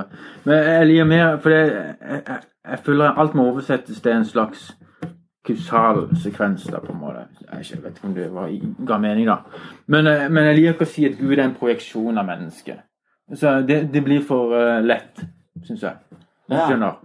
Det, jeg, ser ikke klar, jeg klarer ikke å se den kausale sammenhengen ordentlig. Og da tenker jeg at Nei, jeg, er det noe som mangler i teorien. Ja, ja, hvis du klarer å forklare litt. Jeg vil si at effekten, eller eh, den måten å se det på Eh, det, det, det, er, her, er det ikke her Sam Harris og, og Jordan Peterson ryker uklare, på en måte? For, for det handler om, han, han mener at det, Jordan Peterson mener at det finnes en fenomenologisk sannhet for mennesker ja. som er annerledes enn den empiriske sannheten og den positivismen som Sam Harris på en måte står for. Oh, ja. så, så, så, så de, de, kolliderer på dette, på dette området. Mens, eh, og det Jordan Peterson prøver å formidle, er vel at eh, mennesker akkumulere kunnskap, ikke sånn eh, empiri, det er sant, det er ikke sant. Vi, vi, er, ikke, vi er, ikke, forskere. Vi er ikke så rasjonelle. Eller eh, vi, vi samler Vi akkumulerer kunnskap og, og, visdom gjennom historier og fortellinger. Ja. Eh, og, og, for det er sånn vi på en måte Før ja. vi fikk eh, ja, naturvitenskap har det, så dermed så, så vil alt, alt det lure vi har tenkt det vil, eh, det vil være oppsamla Eller alt det, alt det, vi har skjønt, ja. det vil ligge latent i alle narrativene våre. Mm -hmm. Så i all mytologien vår er egentlig en slags utvidelse av vår egen bevissthet. Og hvis vi klarer, og det er som støttespillere for å leve et godt liv. Det er der vi står på skuldrene til kjemper hvis vi har skjønt hvis dette er arven vår. Dette er det vi skal skjønne. Mennesket har ikke koda inn i seg sånn rent sånn på en måte i DNA-et sitt hvordan vi skal overleve. Hvordan vi skal overleve må vi også lære. Og ja. vi lærer det via eh, historiene. Ja. Og det er litt sånn som psykologer tenker om drømmer. ikke sant? Ja. Drømmer kommer ikke med sånne jævlig gode råd. Nå må du begynne å drikke tran for å ikke få struma. Ikke sant? Drømmer eh, hvis, hvis det er en fare for det, og kroppen din har skjønt det, så drømmer du at du blir kvelt av en diger klump som bare blåser opp så hodet ditt eksploderer. Det er sånn drømmen forklarer deg at nå er det fare på ferde. Det er, sånn, det er et billedlig språk, og det vil aldri være det samme som, som virkeligheten, men det vil være en, en narrativ, et eventyr, som, eh, som bare blåser opp virkeligheten og forteller deg det, for da treffer det deg hjertet, og så begynner du å drikke tran. Men hvis en eller annen eh, luring som Sam Harris sier at eh, vitenskapelige studier viser seg at de som drikker tran, de eh, lever eh, ti år lenger, så, det hjelper ikke på oss. da. Vi bare ja, bla, bla. Masse kunnskap. Det, vi, må, vi må få det på, på en annen måte. Gjennom narrativer, historier som treffer oss i hjertet, og ikke i hodet. Ja. Mm, ja, det er jo et godt poeng, egentlig. Men Jeg er litt usikker på hvordan jeg klarer helt å um, ja, så, da, så kan du i hvert fall si, sånn som Jordan Pearson sier, da, sannsynligvis så er det en slags grunnleggende kjerne av en slags visdom i disse um, tekstene. Mm. Det er kanskje det samme du mener, at det ligger en slags rasjonalitet bak det, en forståelse for noe. Mm. Som, som, eh, som blir til, eh, Gud, som blir Ja. til gudenes opprinnelse, eller Ja. eventyrenes opprinnelse, eller Jo, på en måte. Jeg synes det er vanskelig å, på en måte, å konkretisere det ordentlig. Det blir litt for mye Litt den der, um, den Jung-greia. Du liker ikke den? Nei, nei jeg, jeg, jeg, klarer ikke helt å oversette Jeg klarer ikke helt å få det inn i en Altså se det for meg. Hvordan den, er- den, det, det er et litt for stort sprang mellom det behovet for disse fortellingene og det at vi lager de og dyrker de, på en måte. Eh, Og sånn Ja, det er i hvert fall sånn jeg har tenkt. Men det, er mulig at det, at det er med der enn at, en jeg har mm, innsett. Men eh, hva, hva hvis du går videre i boka di, da? De siste Ja, altså, siste men altså, det er mye som minner om dette her, for eksempel, eh, for eksempel eh, Hvordan opprettholdes troen på Gud? Det var et kapittel. Ja, Altså- ja altså, men, eh, men, men bare for bare å et noe som minner om det med behov og sånn eh, Altså, og det med mm, eh, Jeg mener jo f.eks. at eh, behov for moral kan være et viktig element i, i Fordi at Gud eh, sanksjonerer moral. Mm. Det tror jeg har vært veldig effektivt. Ja. Det finnes empiriske undersøkelser på som kan indikere at, Mm. at det er eh, folk som tror på en eh, straffende gud eller, eller belønnende gud, eh, Mm. spesielt straffende, eh, eh, har eh, fungerer på en måte bedre. Eller det fungerer uh, til å disiplinere og, og motivere til uh, ja, prososial atferd. Ja. Så, så det tror jeg på, egentlig. ja. Men vi har gått bort ifra det når det gjelder oppdragelse av barn. Ja, vi har det. Så vi Hvis må det finne funker så bra, hvorfor, hvorfor har vi slutta med det sånn i ja, ja, nei, jeg, det, jeg, jeg tror at um, Det kan nok være fordi at vi ikke lenger tror så sterkt på Guden at det fungerer ikke så bra. Nei. Men det kan være at det, er fordi vi ikke syns det er noe effektivt. At det, bare skader mer enn det, enn det Den positive psykologien vil nok i hvert fall påstå at belønning er langt mer effektivt enn straff. da. Eh, Ja, ja, ja. Mm, mm. Så det er vel det Selingmann og de mener har ganske mange studier som viser at um, ja. Men Gud gjør jo begge deler, i hvert fall den kristne guden. Ja, han gjør det. Så det er han er veldig effektiv, skulle tro det. Ja, absolutt. Han eh, Det er eh, Nei, så, så jeg vet ikke helt uh, den, uh, hva som er mest effektivt og sånn der. Det kan, det kan jo være at uh, moderne samfunn uh, erstatter veldig mye av det vi trengte guden for før. Vi har øh, et øh, bra rettsvesen, politi. mm, Så, så atferd har flere sånne kontrollmekanismer enn vi hadde før. mm, Eh, Men, men, eh, men det, det har jo vært lenge et, et, eh, problemstilling, det der, hvordan det går med moralen når Guden forsvinner. Det er jo helt siden, spesielt på 1800-tallet. mm. Sam Harris mener vi lever i et moralsk landskap med høydepunkter og dype daler. Eh, Ja, hva mener han med det? Nei, in the moral landscape. Ja, lest Altså, high peaks eh, så, eh, Sam Harris eh, tar vel til orde for at vitenskapen kan Ja, være et, et godt kompass for moral. Så vi trenger ikke Det er det argumentet jeg har møtt mest også når jeg har eh, prøv, forsøkt å utfordre, eller vært en del av kristne menigheter, at, det, at de, de, på en eller annen måte så tviler de på, på min moral fordi at, jeg er, eh, fordi at jeg ikke definerer meg som eh, kristen. Ja. Mm. Uh, og og de mener at min moral nødvendigvis da må stamme fra meg selv eller fra mennesker. Og Mm. mennesker er såpass omskiftelige og ustabile Mm. at det vil ikke være noe godt kompass. Så det kan godt være vi har noen gode ideer som funker, og noen mm. politikere som lager noen regler som er bra for oss. Mm. Men idet jeg eh, skjønner at det er ubeleilig for meg, og jeg får en mulighet til å bryte den regelen, så tror de at det er lettere for meg å gjøre det. Ja. fordi at det, får ingen konsekvenser. Ja. så, så blant annet så snakker de om en moralsk motorvei. Altså Den hører jeg av og til når jeg møter Kristin sa- Tror du det? Motorvei? Ja, det er en sånn analogi de bruker. En moralsk motorvei hvor, det, hvor du kjører da, og så, og så og så er det satt opp noe Etter hvert så er det satt opp noe skilt, eh, skilt langs veien hvor det står makshastighet.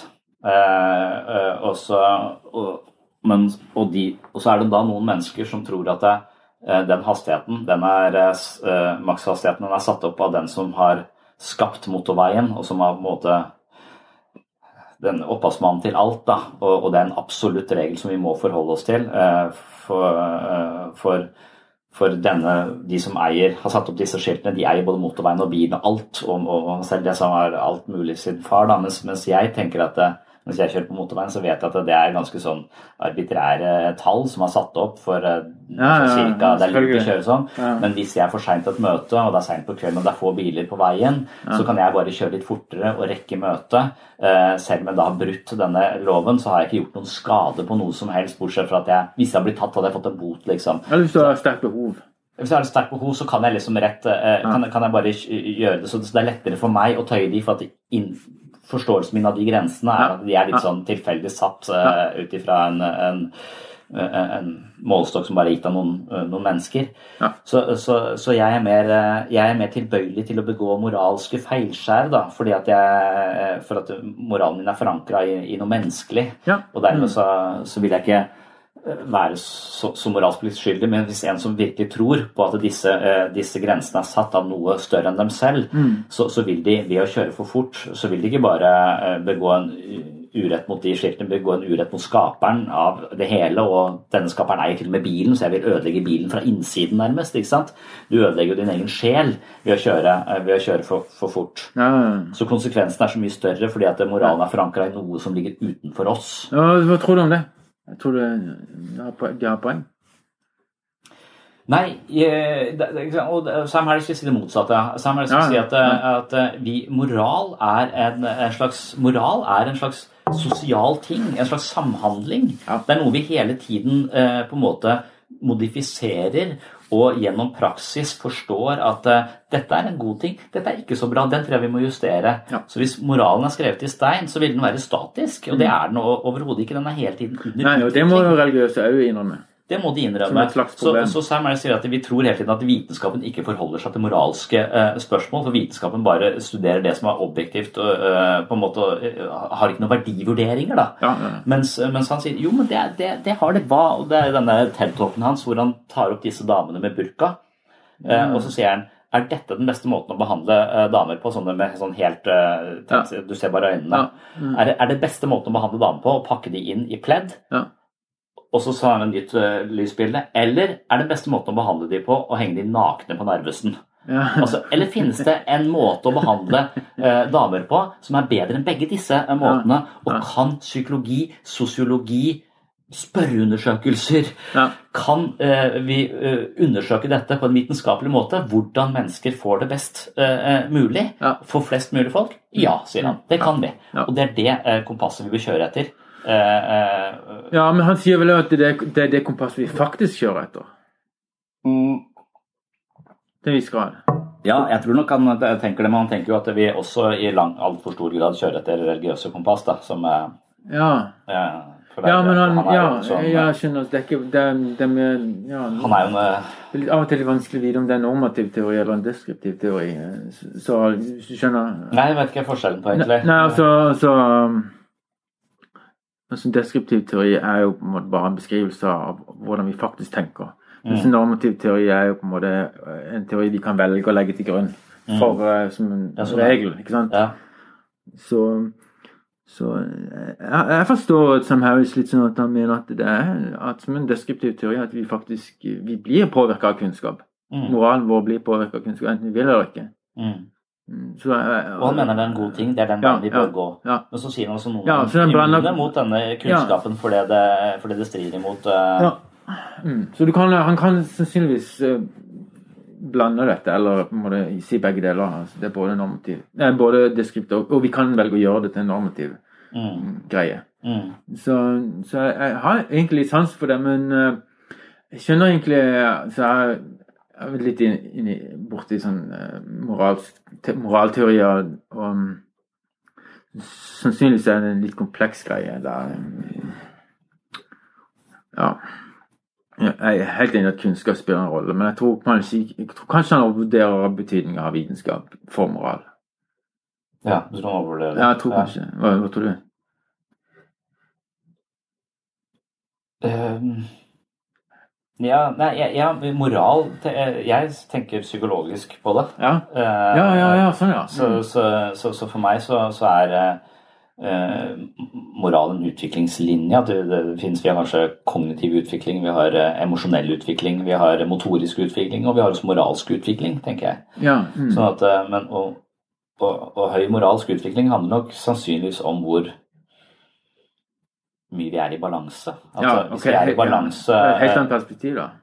ja, hvis, vi- hvis, vi, hvis vi får det vi trenger, og får kjærlighet og oppmerksomhet, og sånn, så er vi i en viss balanse. Og da vil vi også handle ganske moralsk, fordi vi vil ha mer Vi har ikke behov for å få noe og få rettighetene våre Ja. dekt. Vi har mer De er dekt, så vi har behovet blir mer å gi. Mm. Så, så at Ja, eh, det tror jeg er et godt poeng. så at jo, mer, jo bedre vi fungerer sammen, og jo bedre hver enkelt person har det på Mm. verden som helhet, jo høyere vil moralen vår være. Ja, ja, Eller våre ja. moralske tendenser. Ja, for eksempel du kjente at eh, moralen går, går, dårlig med moralen under krig, eksempel, Ja, empatien og vår, sånn. empatien vår krever en viss eh, Altså, vi får mindre empati når vi er eh, trua.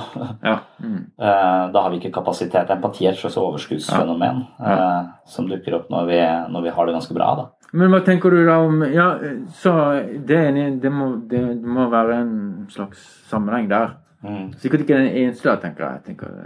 Sikkert ikke den eneste. For, for eksempel, eh, jeg tror nok at, eh, at um, ideen om en uh, guddommelig lovgiver Mm. og, og san sanksjonist Mm. jeg, jeg, tror, jeg tror det har en, kan ha en bra effekt. Hva, men hva mener du om det? Ja, ja jeg, jeg, tror, jeg tror det, eh, det er jeg litt enig i. For at da, da, da tenker jeg at når du er under verst tenkelige omstendigheter, Ja, eh, så du ikke på egen hånd klarer å etablere eh, den eh, eh, Å, å finne motivasjonen. Motivasjonen til den moralen Ja, som vil være, eh, som vil være best i den Mm. situasjonen, så, så kan det være at disse overordnede prinsippene eh, kan hjelpe deg til å gjøre det riktige likevel. Ja, ja, ja. Så, eh, så, så dermed så når det var mer krig og vi var eh, mer pressa både på liv og helse og psykologisk underskudd, så, så hadde det en, en veldig viktig funksjon. Og det er en veldig viktig funksjon i bøkene til Viktor Frankel. ja han kjenner ikke til. Viktor Frankel satt i konsentrasjonsleir eh, og er en, eh, kjent for en terapiform en slags logoterapi. Ja. Uh, så han er en sånn holocaust-klassiker som heter 'Man's Search for Meaning'. Ok. Men hans idé er eh, fra, fra konsentrasjonsleirene at uh, eh, Han satt der selv, ikke sant. Det er helt jævlig. Og, og så spørsmålet hvem overlever en konsentrasjons... Eller hvem overlever i denne konsentrasjonsleiren? Uh, og så kan man tenke eh, rent sånn intuitivt at det er de som har størst muskler og karer til seg mest goder, som overlever. Ja. Eh, de som på en måte dytter litt der og får litt ekstra mat der. Ja. Eh, og får den beste senga og det varmeste stedet i, i huset. Men og så sier han at til en viss grad så er det jo sånn at den sterkeste overlever. Ja. Men det er en andre elementer som også spiller inn, og Mm. det er de menneskene som beholdt sin medmenneskelighet og troen på noe større enn seg selv, overlevde. Mm. Eh, så, så at han, han så også at det var denne den derre 'jeg må ha det', det krever veldig mye energi. Jeps. Eh, Så, så de brenner veldig mye energi på det. Mens de menneskene som på en måte er rausere og, og på en måte beholder en slags idé om eh, det gode i mennesket, Ja. eh, de beholder en ro inni Yes. seg eh, som gjør at de også overlever i større grad. Mm. Så han mener at troen på Han var kristen, tror jeg, så han trodde på et større mening bak det hele. ikke sant? Ja. Det holdt han levende. Ja. Men, det har, men, men det kan vel ha hatt en sånn slags kjedereaksjon på brakka hans, f.eks. At hvis han er sånn, så, så og? Det jo, det, Mm. det kan jo oversettes til, til det å være, ha, liksom, å være prososial, eller Mm. ikke sant? Eh, at du er god til å samarbeide. Mm. Hvis, du er, hvis, du, hvis det er flere, og kanskje over et kritisk antall eh, sånne i ei brakke, Mm. så vil kanskje hele brakka gjøre det veldig bra. Mm. Det, vi skjønner at her, hvis vi samarbeider her og, og greier, så, så, så um, og, det, og det har jo et eh, kan ha Det er Jesus. Ja, for eksempel. Da. Ja, ja absolutt. Så, sånn at um, Så um, religion og moral er sannsynligvis en viktig sammenheng.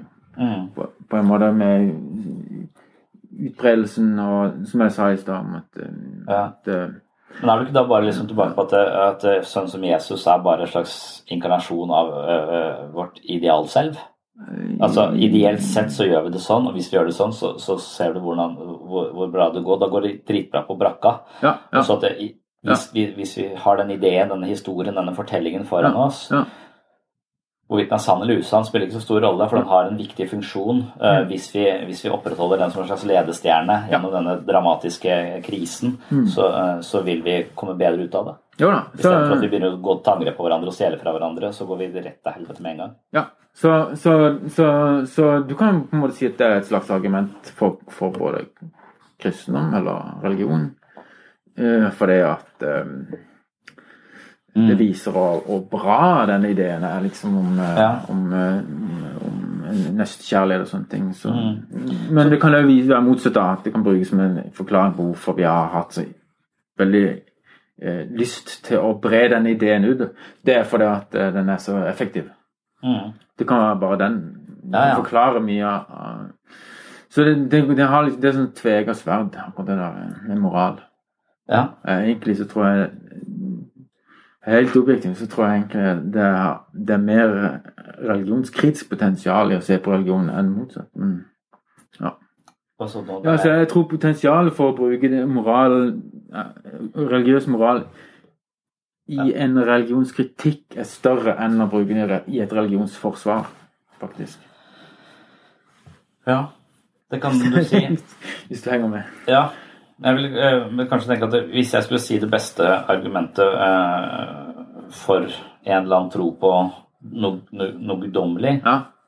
eh, så, så må det være at eh, hvis du virkelig går inn i fri vilje, Ja. eh, så, så, så, så, så, så vil det være vanskelig å forsvare at mennesket faktisk har en fri vilje i det vi tilhører et, eh, et univers som fungerer på en slags årsaksvirkningsdynamikk. Og hvis vi er en del av det samme naturlige universet, så vil ikke heller vi eh, Så vil fri vilje, i seg selv være noe guddommelig, nærmest.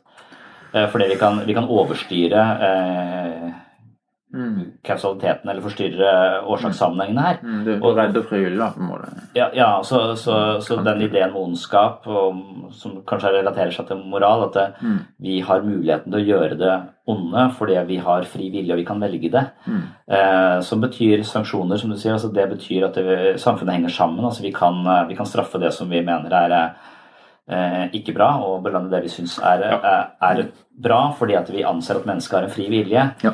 Men i det, et rent naturvitenskapelig univers så forsvinner denne frie viljen, og da har vi ikke muligheten til å se på hverandre med, på den måten lenger. Nei. Og da kan vi heller ikke straffe hverandre. Nei, kanskje ikke. Men, vi, vi, men vi, gjør, vi prøver jo å unngå å straffe hverandre på den måten. Selv om du har gjort noe jævlig gærent, så vil vi bare prøve å rehabilitere deg. Yes. Eh, Det er det vi eh, Ja. tilstreber. Ja, så vi godtar det, og vi syns ikke det. på måte. Ja, vi, god, vi godtar det. Um, Vi kan ikke godta det 100% ut, vi er i hvert fall eh, Vi er nødt til å- ha ansvar. ja. Er det ikke det Jordan Peele sier, at jeg lever som om Gud eksisterer? Ja. ja. Mm. Og at eh, kanskje hele verden på en eller annen måte lever som om det eksisterer et eller annet guddommelig eh, ja eller i hvert fall at, som om vi har frivillig, Ja, det kan, Ja, jeg, det har- kan jeg gå med på. Ja. Ja, ja. Nei, det, det ja. Mm. Det er mulig at eh, altså, Du kan jo innrømme da at eh, de gir jo en slags mening. Mm. Eh, og, og, eh, det, den, det, det rent eh, liksom, naturalistiske universet Ja. er, er brutalt, på en måte. Mm. Det, det er ikke noe tvil om det. Nei. Eh, eller Du kan sikkert være uenig. Noen han, eh, Dawkins vil sikkert være uenig. Han er uenig. Han syns det er en fantastisk Ja, ja. 'Unweaving the Rainbow'. Ja. Det får ikke jeg noe særlig ut av. Nei, men nei, altså, er sikkert noe med personlighetstyper å gjøre. Altså. Ja. Men, eh, men, eh, men det, for meg er det brutalt. Mm. Det kan jeg innrømme. Så, mm, men men de, rasjonaliteten i, det- i det andre men trekker så mye i den andre retninga at, at Det er vanskelig å være For du, du definerer jo ikke deg selv som religiøs. Nei, jeg er artist, ja. Mm. Ja. Mm. Men hva hvis, jeg, jeg vil kanskje si at jeg, ja, jeg har definert meg som en ateist, Ja. muligens en agnostiker, Ja, men at jeg kanskje ligner en panteist eh, innimellom, hvis jeg tenker meg godt om. Mm. At, eh, det må du Ja, åssen tenker du da? Ja, da, tenker jeg, da tenker jeg sånn at Gi og med, da tenker jeg liksom Garlo Gleps nesten igjen. Gi og med at uh, filosofien uh, ikke klarer å gi oss en fullgod forklaring på bevisstheten. Mm. uh, så det at vi faktisk opplever å være noe, Mm. snarere enn å ikke oppleve å, å, å være noe, denne kvaliteten ved opplevelsen av å være noe Yes. hvis bevisstheten ikke bare er et, eh, en illusjon som dukker en slags bieffekt av kompleksitet Ja. altså de er jævlig kompleks, og kompleksiteten kommer med en sånn epifenomen, eller hva det kalles, Ja, som, som ja. type bevissthet. Så, Ja. så kanskje bevisstheten er noe helt annet. Kanskje bevisstheten, sånn som David Chalmers eh, av og til har, har foreslått, at bevisstheten er et eget grunnstoff ikke har oppdaget ennå. Eh, et, Yes, yes. et Mm, grunnstoff mm, som ja. nærmest ikke egentlig ikke eh, kanskje kan veies og forstås naturvitenskapelig, men som gjennomsyrer alt likevel. Ja. Så at alt har en, eh, er gjennomsyret av en slags eh, be bevissthet, og at eh, det at Gud er hel og allmektig og allvitende, det er egentlig eh, en beskrivelse av alt som var før the big bang. Og så kommer det big bang og dreper Gud og kaster dem til fillebiter. Eh, Og så er vi nå bare så småguder som er i ferd med å samles igjen Ja, ja. til en stor Divine eh, spark. Ja, Ja, så, så, at vi blir denne, så at vi blir Gud til slutt igjen, når alt Ja, samler seg på nytt til en hel harmoni som er oppslukt av seg selv, i seg selv, allvitende. Alt. Ja. Og så kommer denne big bang, som egentlig er da Som ikke egentlig Ja, som dreper Gud, da. Eh, Ja, dette, mm. dette har jeg hørt han Ole Martin Moen si òg. Ja, han, ja. ja. Han er en pantist. Sier du det? Mm. Han tror på dette? ja, jeg Det vet ikke. Dette var litt like irrasjonelt. Jo, nei, men altså Ja, men, eh, ja, men altså Ja, eh, ja ok, ok spekulasjoner, men eh, mm. Det har problemet, eller det med bevissthetsproblemet, det er, det er, det er interessant, det. Ja. Så jeg, jeg, jeg, jeg er enig i at um, vi må kanskje se på bevissthet som en slags ikke, Kanskje ikke grunnstoff, da, men, men et grunntrekk med tilværelsen. På Mm. samme måte som um, Vann er vått. Ja, eller, er eller rom og tid. Ja. Og, og farve. Mm. Altså det helt, det helt grunnleggende slags Ja. på en måte. ja, sånn, ja. Hvis du skjønner. Ja. For, for, for liksom, vi, vi, vi vil på en måte liksom, Greia er jo at bevissthet blir et slags problem som vi må prøve å kvitte oss med. Ja. Og det virker som ikke, som vi kan klare å kvitte oss med eh, Eller det at bevissthet kan oppstå av materie, er slags noe mystisk. sant? Mm. Det, vi, vi vil ikke ha den mystikken. Det i vi har veldig lyst til å måtte forstå det. Mm. Uh, og, og, og samtidig virker det ikke helt som at, det, at enda mer forskning på hjernen kan hjelpe på det. Nei. Det blir bare, Ja, vi forstår sammenhenger mye bedre, Mm. men vi forstår ikke forklare hvorfor. Nei, nei, nei, det er liksom en kvalitativ overgang som ikke vi kommer nærmere. Ja. Så det er like rasjonelt å tro at Gud blåste dette inn i nesa på Adam? Ja, på en måte, da. så, ikke helt uh, nei, men, men det, det, det, det en Altså, Men altså hvis- man tenker på bevissthet på denne måten, som, som patist, da vil man jo Da vil ikke reinkarnasjon være uh, så fjernt. Nei, men sikkert ikke. At, eh, men fjernt er å tro eh, sånn, se for seg et fysisk paradis, på en måte. Det, det virker litt sånn uh, merkelig for meg. Ja. Men, at, men at, at ideen i de fleste religioner vil jo være at det finnes en, en type, en del av oss en som ikke er materiell, men Ja, som er en kvalitet ved oss, Ja. som ikke nødvendigvis er avhengig av kroppen som skal, da. Ja. Men som når kroppen forsvinner, fortsatt vil eksistere. Mm. og eventuelt materialisere seg eh, i en ny, en ny variant. variant. Eh, eventuelt et, ny, et nytt levende eh, Eller at det finnes bare én mengde bevissthet som hele tiden materialiserer seg og materialiserer seg i sånne Ja, Forskjellige- ja, ja så, ja. så bare, bare så ak akkurat det, akkurat det enig. Så det tror jeg at mennesker har på en måte en slags intuitiv dualisme. Ja. Eh, Og det med at sjelen fortsetter når kroppen dør, Mm. det er sannsynligvis en, en, en sterk tilbøyelighet vi har til å tenke. Mm. Mm. Men samtidig så er det det med, det med at em, vi oppdager disse sammenhenger mellom bevissthet og hjerne. Som jeg tenker De sammenhengene blir liksom stadig mer finmaska etter hvert som vi forsker på hjernen. ja. Eh, eh, Det avdekker vel samtidig at bevisstheten er veldig avhengig av hjernen. Det virker sånn. Det virker sånn. Men, eh, men, men samtidig så er jeg enig i at det er en kvalitativ forskjell på altså Vi forstår ikke Vi forstår at det er en sammenhengen, og vi forstår sammenhengen bedre og bedre, men vi forstår livet, det er allikevel et sprang vi ikke forstår bedre med å gjøre dette forklare mer og mer finmaska. Med på det? Det er et hard problem, og det forstår jeg. Ja. Ja.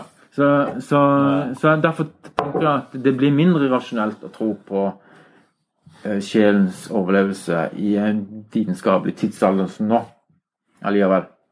Av at vi avdekker disse sammenhengene. Det er vanskelig å tenke at, eh, at, at eh, disse, vi kan ha de samme opplevelsene eller bevissthet når alle disse hjernefunksjonene ikke fungerer lenger. Så, så må det må fungere veldig bra. Veldig finmaska hvis du på en måte fjerner noe av det stoffet, så vil du oppleve sånn og sånn. ikke sant? Det er veldig vanskelig å tenke at ja, plutselig så har det ikke noe å si lenger, denne hjernen. Er du med? Ja, men man kan jo si at det tilsvarer litt uh, uh, forholdet mellom bevissthet altså Det har vi ikke egentlig på norsk språk, men det, det, det er noe som heter uh, de, de, på, på engelsk kalles det mind. eh, soul, mind Jeg vet ikke, altså be, be, Bevisstheten og psyken min kan være to forskjellige ting. Eller eh, enda mer bevisstheten og egoet mitt er to forskjellige ting. Ja. Så egoet mitt er det, er det mer eller mindre, selv om det er ideer, så er det den materielle delen av meg. Ja. Eh, Så, eh, så, så at bevisstheten min Bevissthet er alltid en relasjon til noe annet enn seg selv. Altså Bevisstheten er bevissthet om noe. Yes. Og idet jeg kommer i dypt drømmeløs søvn, så forsvinner hele egoet mitt, og jeg er bare bevissthet, men jeg husker ikke en dritt. Ja. Det er pur bevissthet, eller Ja. eh, ditt sanne ansikt, eller Buddhas natur, eller eh, Det kalles forskjellige ting. Ja. Så med en gang jeg våkner, så, så dukker dette lille egoet som jeg identifiserer meg med. Det er derfor jeg mener du må ikke tro på tankene og følelsene eh, dine, for de er denne mentale konstruksjonen som bevisstheten er bevisst, Mm.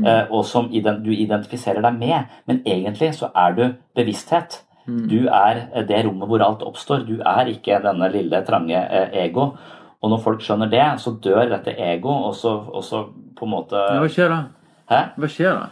Eh, Du må på en måte alltid leve i ego, men at egoet ditt får mindre betydning. Derfor så alt det du var redd for, som eh, sosial angst og alle disse tingene, det er jo eh, narrativer du forteller om deg selv som du tror på. Jeg er sikkert ikke like god som andre, og jeg kommer sikkert til å drite meg ut på å si Mm, Men- det så bra, og så videre. Det er bare, det er bare eh, historier som da tillegger for stor verdi, som du tror du er. Ja. Mens egentlig så er du ikke de. De er bare de som lurer deg til å leve et ganske anstrengt eh, liv. da. Ja. Så, så dette vil være en slags eh, dyp innsikt som man tilstreber meditasjon ved å stirre lenge på sitt eget, eh, eget ego. Så hvis du lykkes i psykoterapi, så dør egoet ditt eh, til, til fordel for et ego som er litt mer fleksibelt og litt, mindre rigid, men du vil fortsatt ha et ego. da. Mm.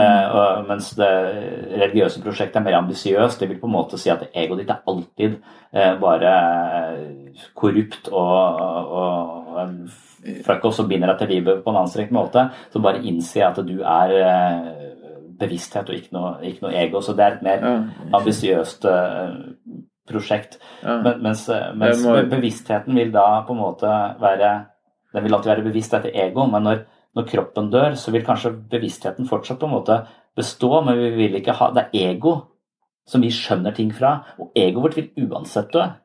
Men bevissthet og ego kan være to forskjellige ting. Ja, Så det vi er redd for skal dø, det er alle tankene og minnene og alt det der som på en måte tilhører hjernen. da.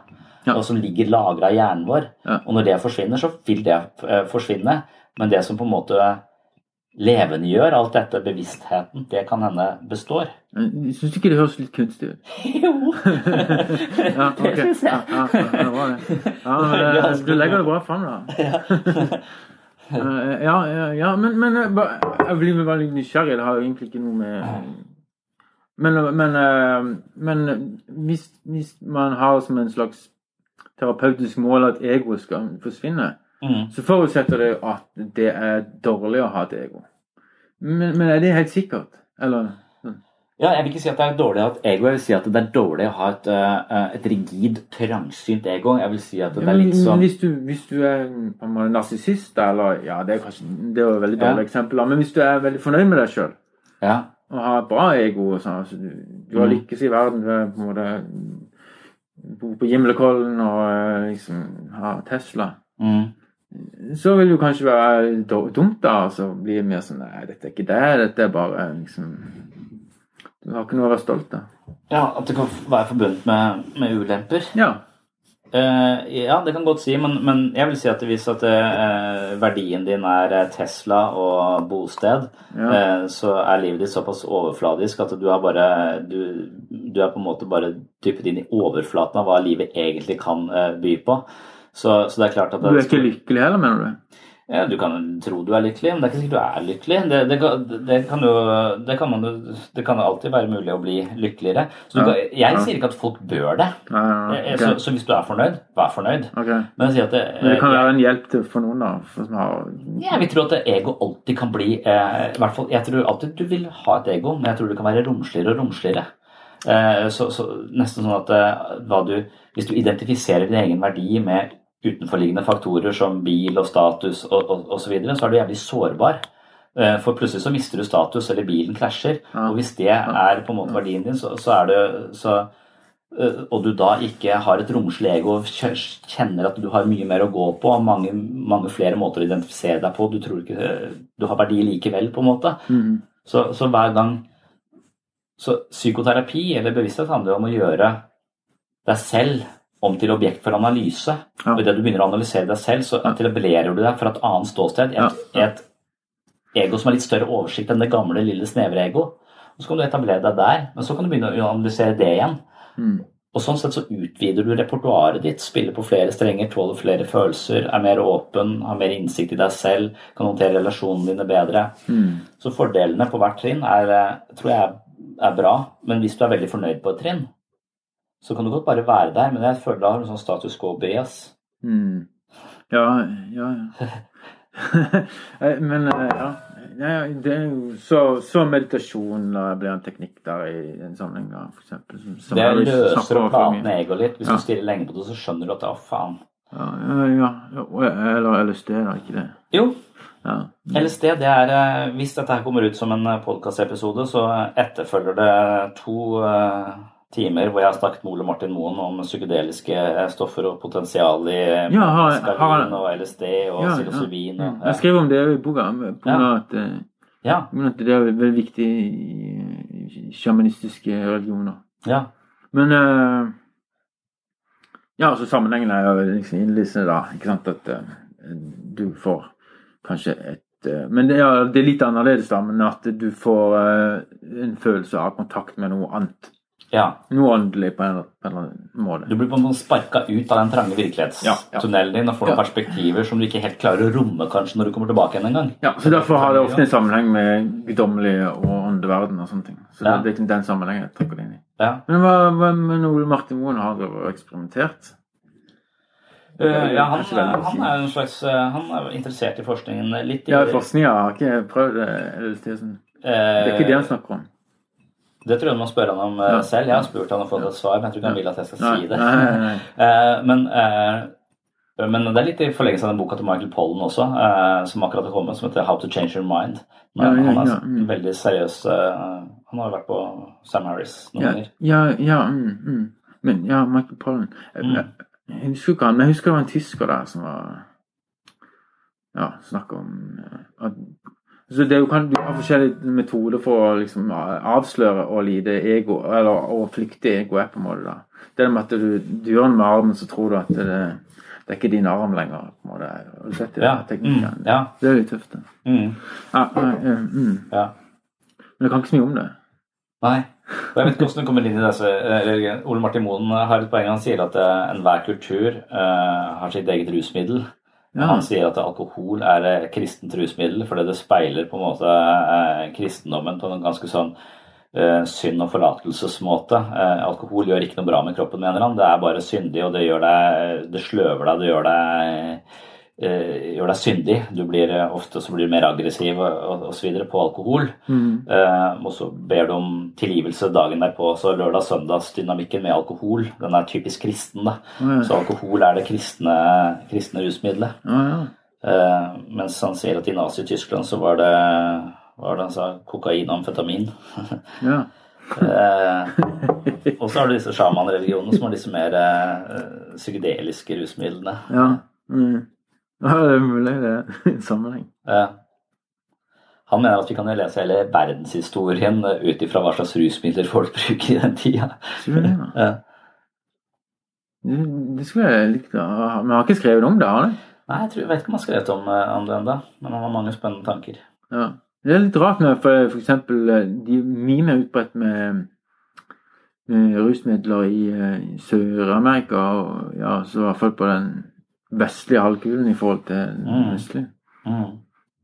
Så, men, Men sånn som DMT er jo, er jo lovlig i, til religiøst bruk i både USA og Mexico. Ja, ja. Mm. ja, jeg har fått med meg det. Mm. Så det er jo litt eh, interessant. Ja, det er det, altså. Mm. Så, så, så det er jo noen som spekulerer at det er viktig, viktig årsak til uh, gudtro. Eller, eller Mm. åndetro og gudtro. da. Ja, for man tipper inn i en eller annen forståelse som er mye større og omseggripende. Ja, Kanskje. For en opplevelse Mm. opplevelse om, Ja. om å identifisere seg med noe mye, mye større enn dette lille, trange ego, kanskje. ja. Mm. Og da får en følelse av helhet som er mye, mye større enn denne separate lille 'jeg trenger noe fra deg, jeg må ha den parkeringsplassen', ellers blir jeg forbanna. ja. Mm. Eh, som er den der smålige livsførselen vår, egentlig. ja. Så målsettingen i religion sånn sett om å få et større perspektiv, ha mer Det er jo, det er jo ganske prisverdig, vil jeg si. Men det sier ikke noe om Gud ja. eksisterer eller ikke. Nei, det blir fort dogmatisk og sånn. Det er jo Mm. problemet med det. Ja, det er det. Pluss at det er ikke noe empirisk. Det er ikke veldig empirisk. Nei. Det Nei. blir jo ikke Ja, Du, må hente i barnehagen, jeg. ja, ja. ja, ja. Det er Eh, interessant. ja. Så eh, jeg vet ikke om vi fikk dekt så mange av de kapitlene i boka di. Kanskje, vi, må, Nei, jeg det, det er helt eh, kanskje vi må ta en, eh, en runde til for Ja. å få dekt det vi, det ja, mangler. ja, eh, ja, jeg vet ikke om jeg hadde forberedt meg noe særlig bedre uansett om jeg var mer forberedt, men eh, selv om jeg har skrevet en bok sjøl, så er det ting du som du ikke har helt Som ikke er lett å gjengi ut, sånn veldig enkelt i Ja. en samtale. Akkurat det er problemet mitt òg. Ja. Jeg har skrevet en bok som heter 'Psykologens journal' nå. Ja. Og den er liksom gitt ut, men jeg vegrer meg for å snakke om den. Fordi at men jeg-. Hver gang jeg har uh, Eller forelese om det altså Jeg er psykolog, jeg er vant til å snakke om psykologi. Det ligger lett for meg. Ja, Men når jeg skal snakke om de tingene som jeg faktisk har skrevet en hel bok om, ja, så, så, så, så mangler jeg flyten i det. Jeg mangler eh, Argumentene ligger ikke i fingertuppene. De var tydelige for meg når jeg satt ved skrivebordet og når jeg gikk i skogen og tenkte på det. ja, Men, eh, men, nå, men det er ikke så lett å ta de opp, så man må liksom trene. Man må, ja.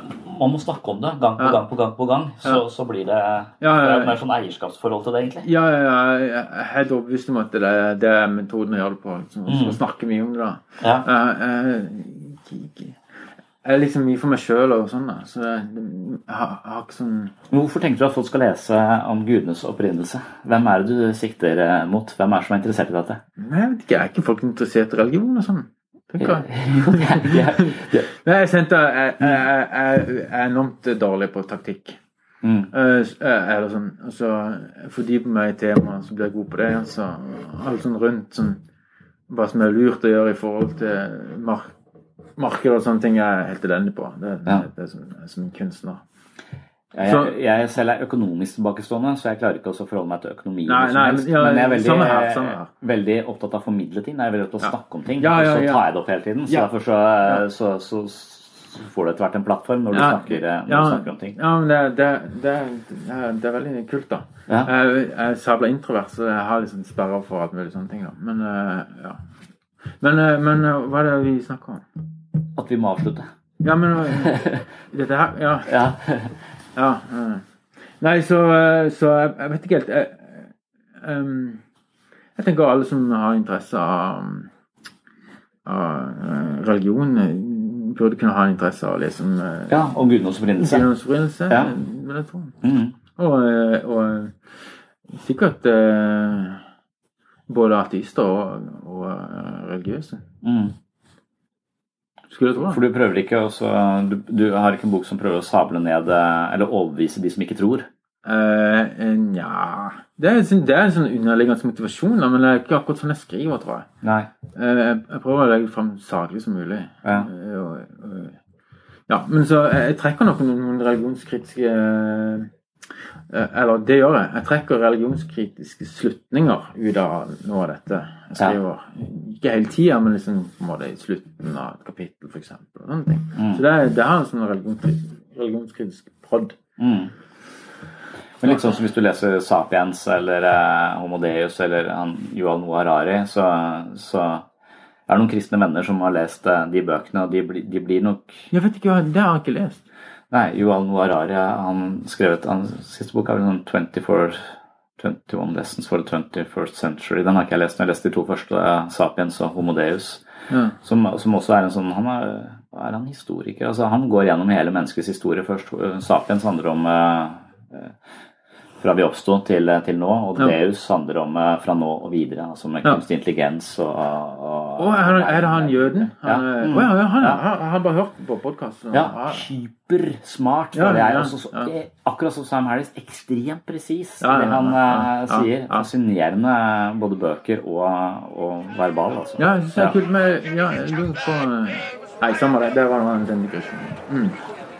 Yes. Jeg tar den andre. Ja. Don't pass judgment on other people, or you might get judged yourself. What? I said, don't pass judgment on other people, or else you might get judged too. Oh, me? Yes. Oh, ooh, thank you very much. Well, not just you, all of you. That's a nice gourd. What? How much do you want for the gourd? I don't, you can have it. Have it? Yes. Consider the lilies. Don't you want to haggle? No, in the field. What's wrong with it then? Nothing, take it. Consider the lilies. Uh, well, the birds then. What birds? Any birds. Why? Well, have they got jobs? Who? The birds. Have the birds got jobs? What's the matter with him? Says the birds are scrounging. Oh, look, the point is, the birds, they do all right, don't they? Well, good luck to them. Yeah, they're very pretty. Okay, and you're much more important than they are, right? So what are you worrying about? They are, see? I'm worrying about what you've got against birds. I haven't got anything against the birds. Consider the lily. He's oh. having a go at the flowers Oh, now. give the flowers a chance. I'll give you one for it. It's yours, too, then. Oh. Look, there was this man, and he had two servants. What were they called? What? What were their names? I don't know. And he gave them some talents. You don't know? Well, it doesn't matter. He doesn't know what they were called. Oh, they were called Simon and Adrian. Now, Oh, you said you didn't know. it really doesn't matter. The point is, there were these two servants. He's making it up as he goes along. No, I'm not. And he gave them some. No, wait a minute. Were there three? Oh, were he's terrible. There, there were three. There were there were stewards, really. Now,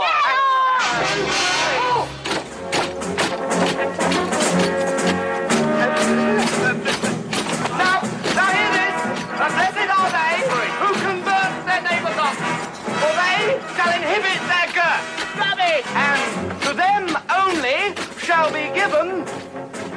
To them only shall be given. What? Hmm? Shall be given what? Oh, no. Hey, what were you going to say? Nothing. Yes, you were going to say something. I wasn't. I finished. Oh, no. Oh, come on, tell us before you go. I don't say anything. I've finished. What won't he tell? He won't say. Is it a secret? No. Is it? Must be, otherwise he'd tell us. Oh, tell us the secret. Leave me alone. What is the secret? Is it the secret of eternal life? He won't say. Of course not. If I knew the secret of eternal life, I wouldn't say. Leave me alone. Just tell me, please. No, tell us, Master. We were here first. Go away. Come on.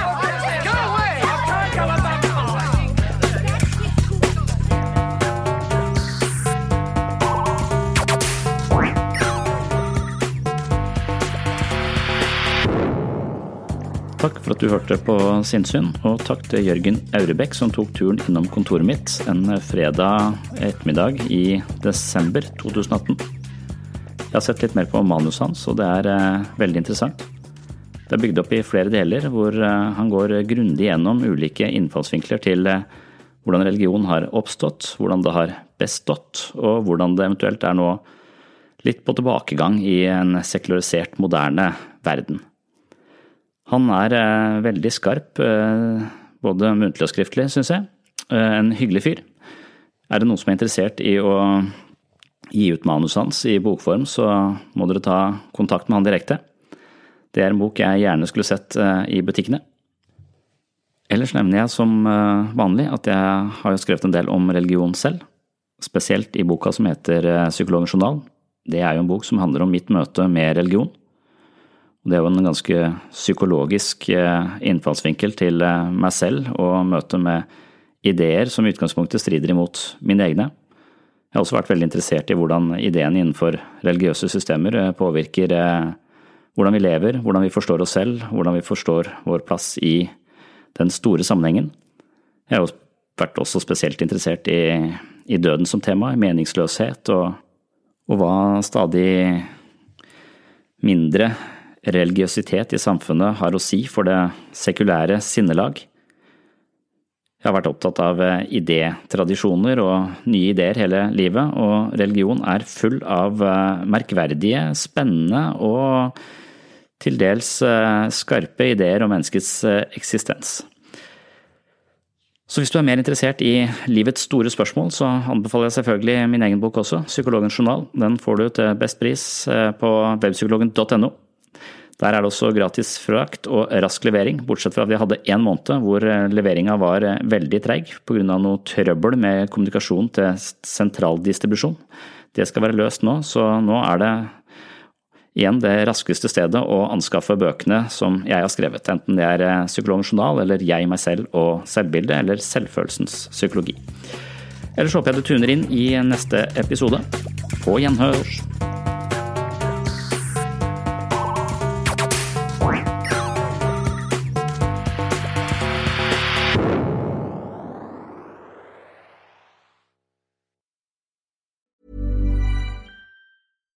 Deserves the best, and there's no better place to shop for Mother's Day than Whole Foods Market. They're your destination for unbeatable savings, from premium gifts to show-stopping flowers and irresistible desserts. Start by saving 33% with Prime on all body care and candles. Then get a 15-stem bunch of tulips for just $9.99 each with Prime. Round out Mom's menu with festive rosé, irresistible berry chantilly cake, and more special treats. Come celebrate Mother's Day at Whole Foods Market.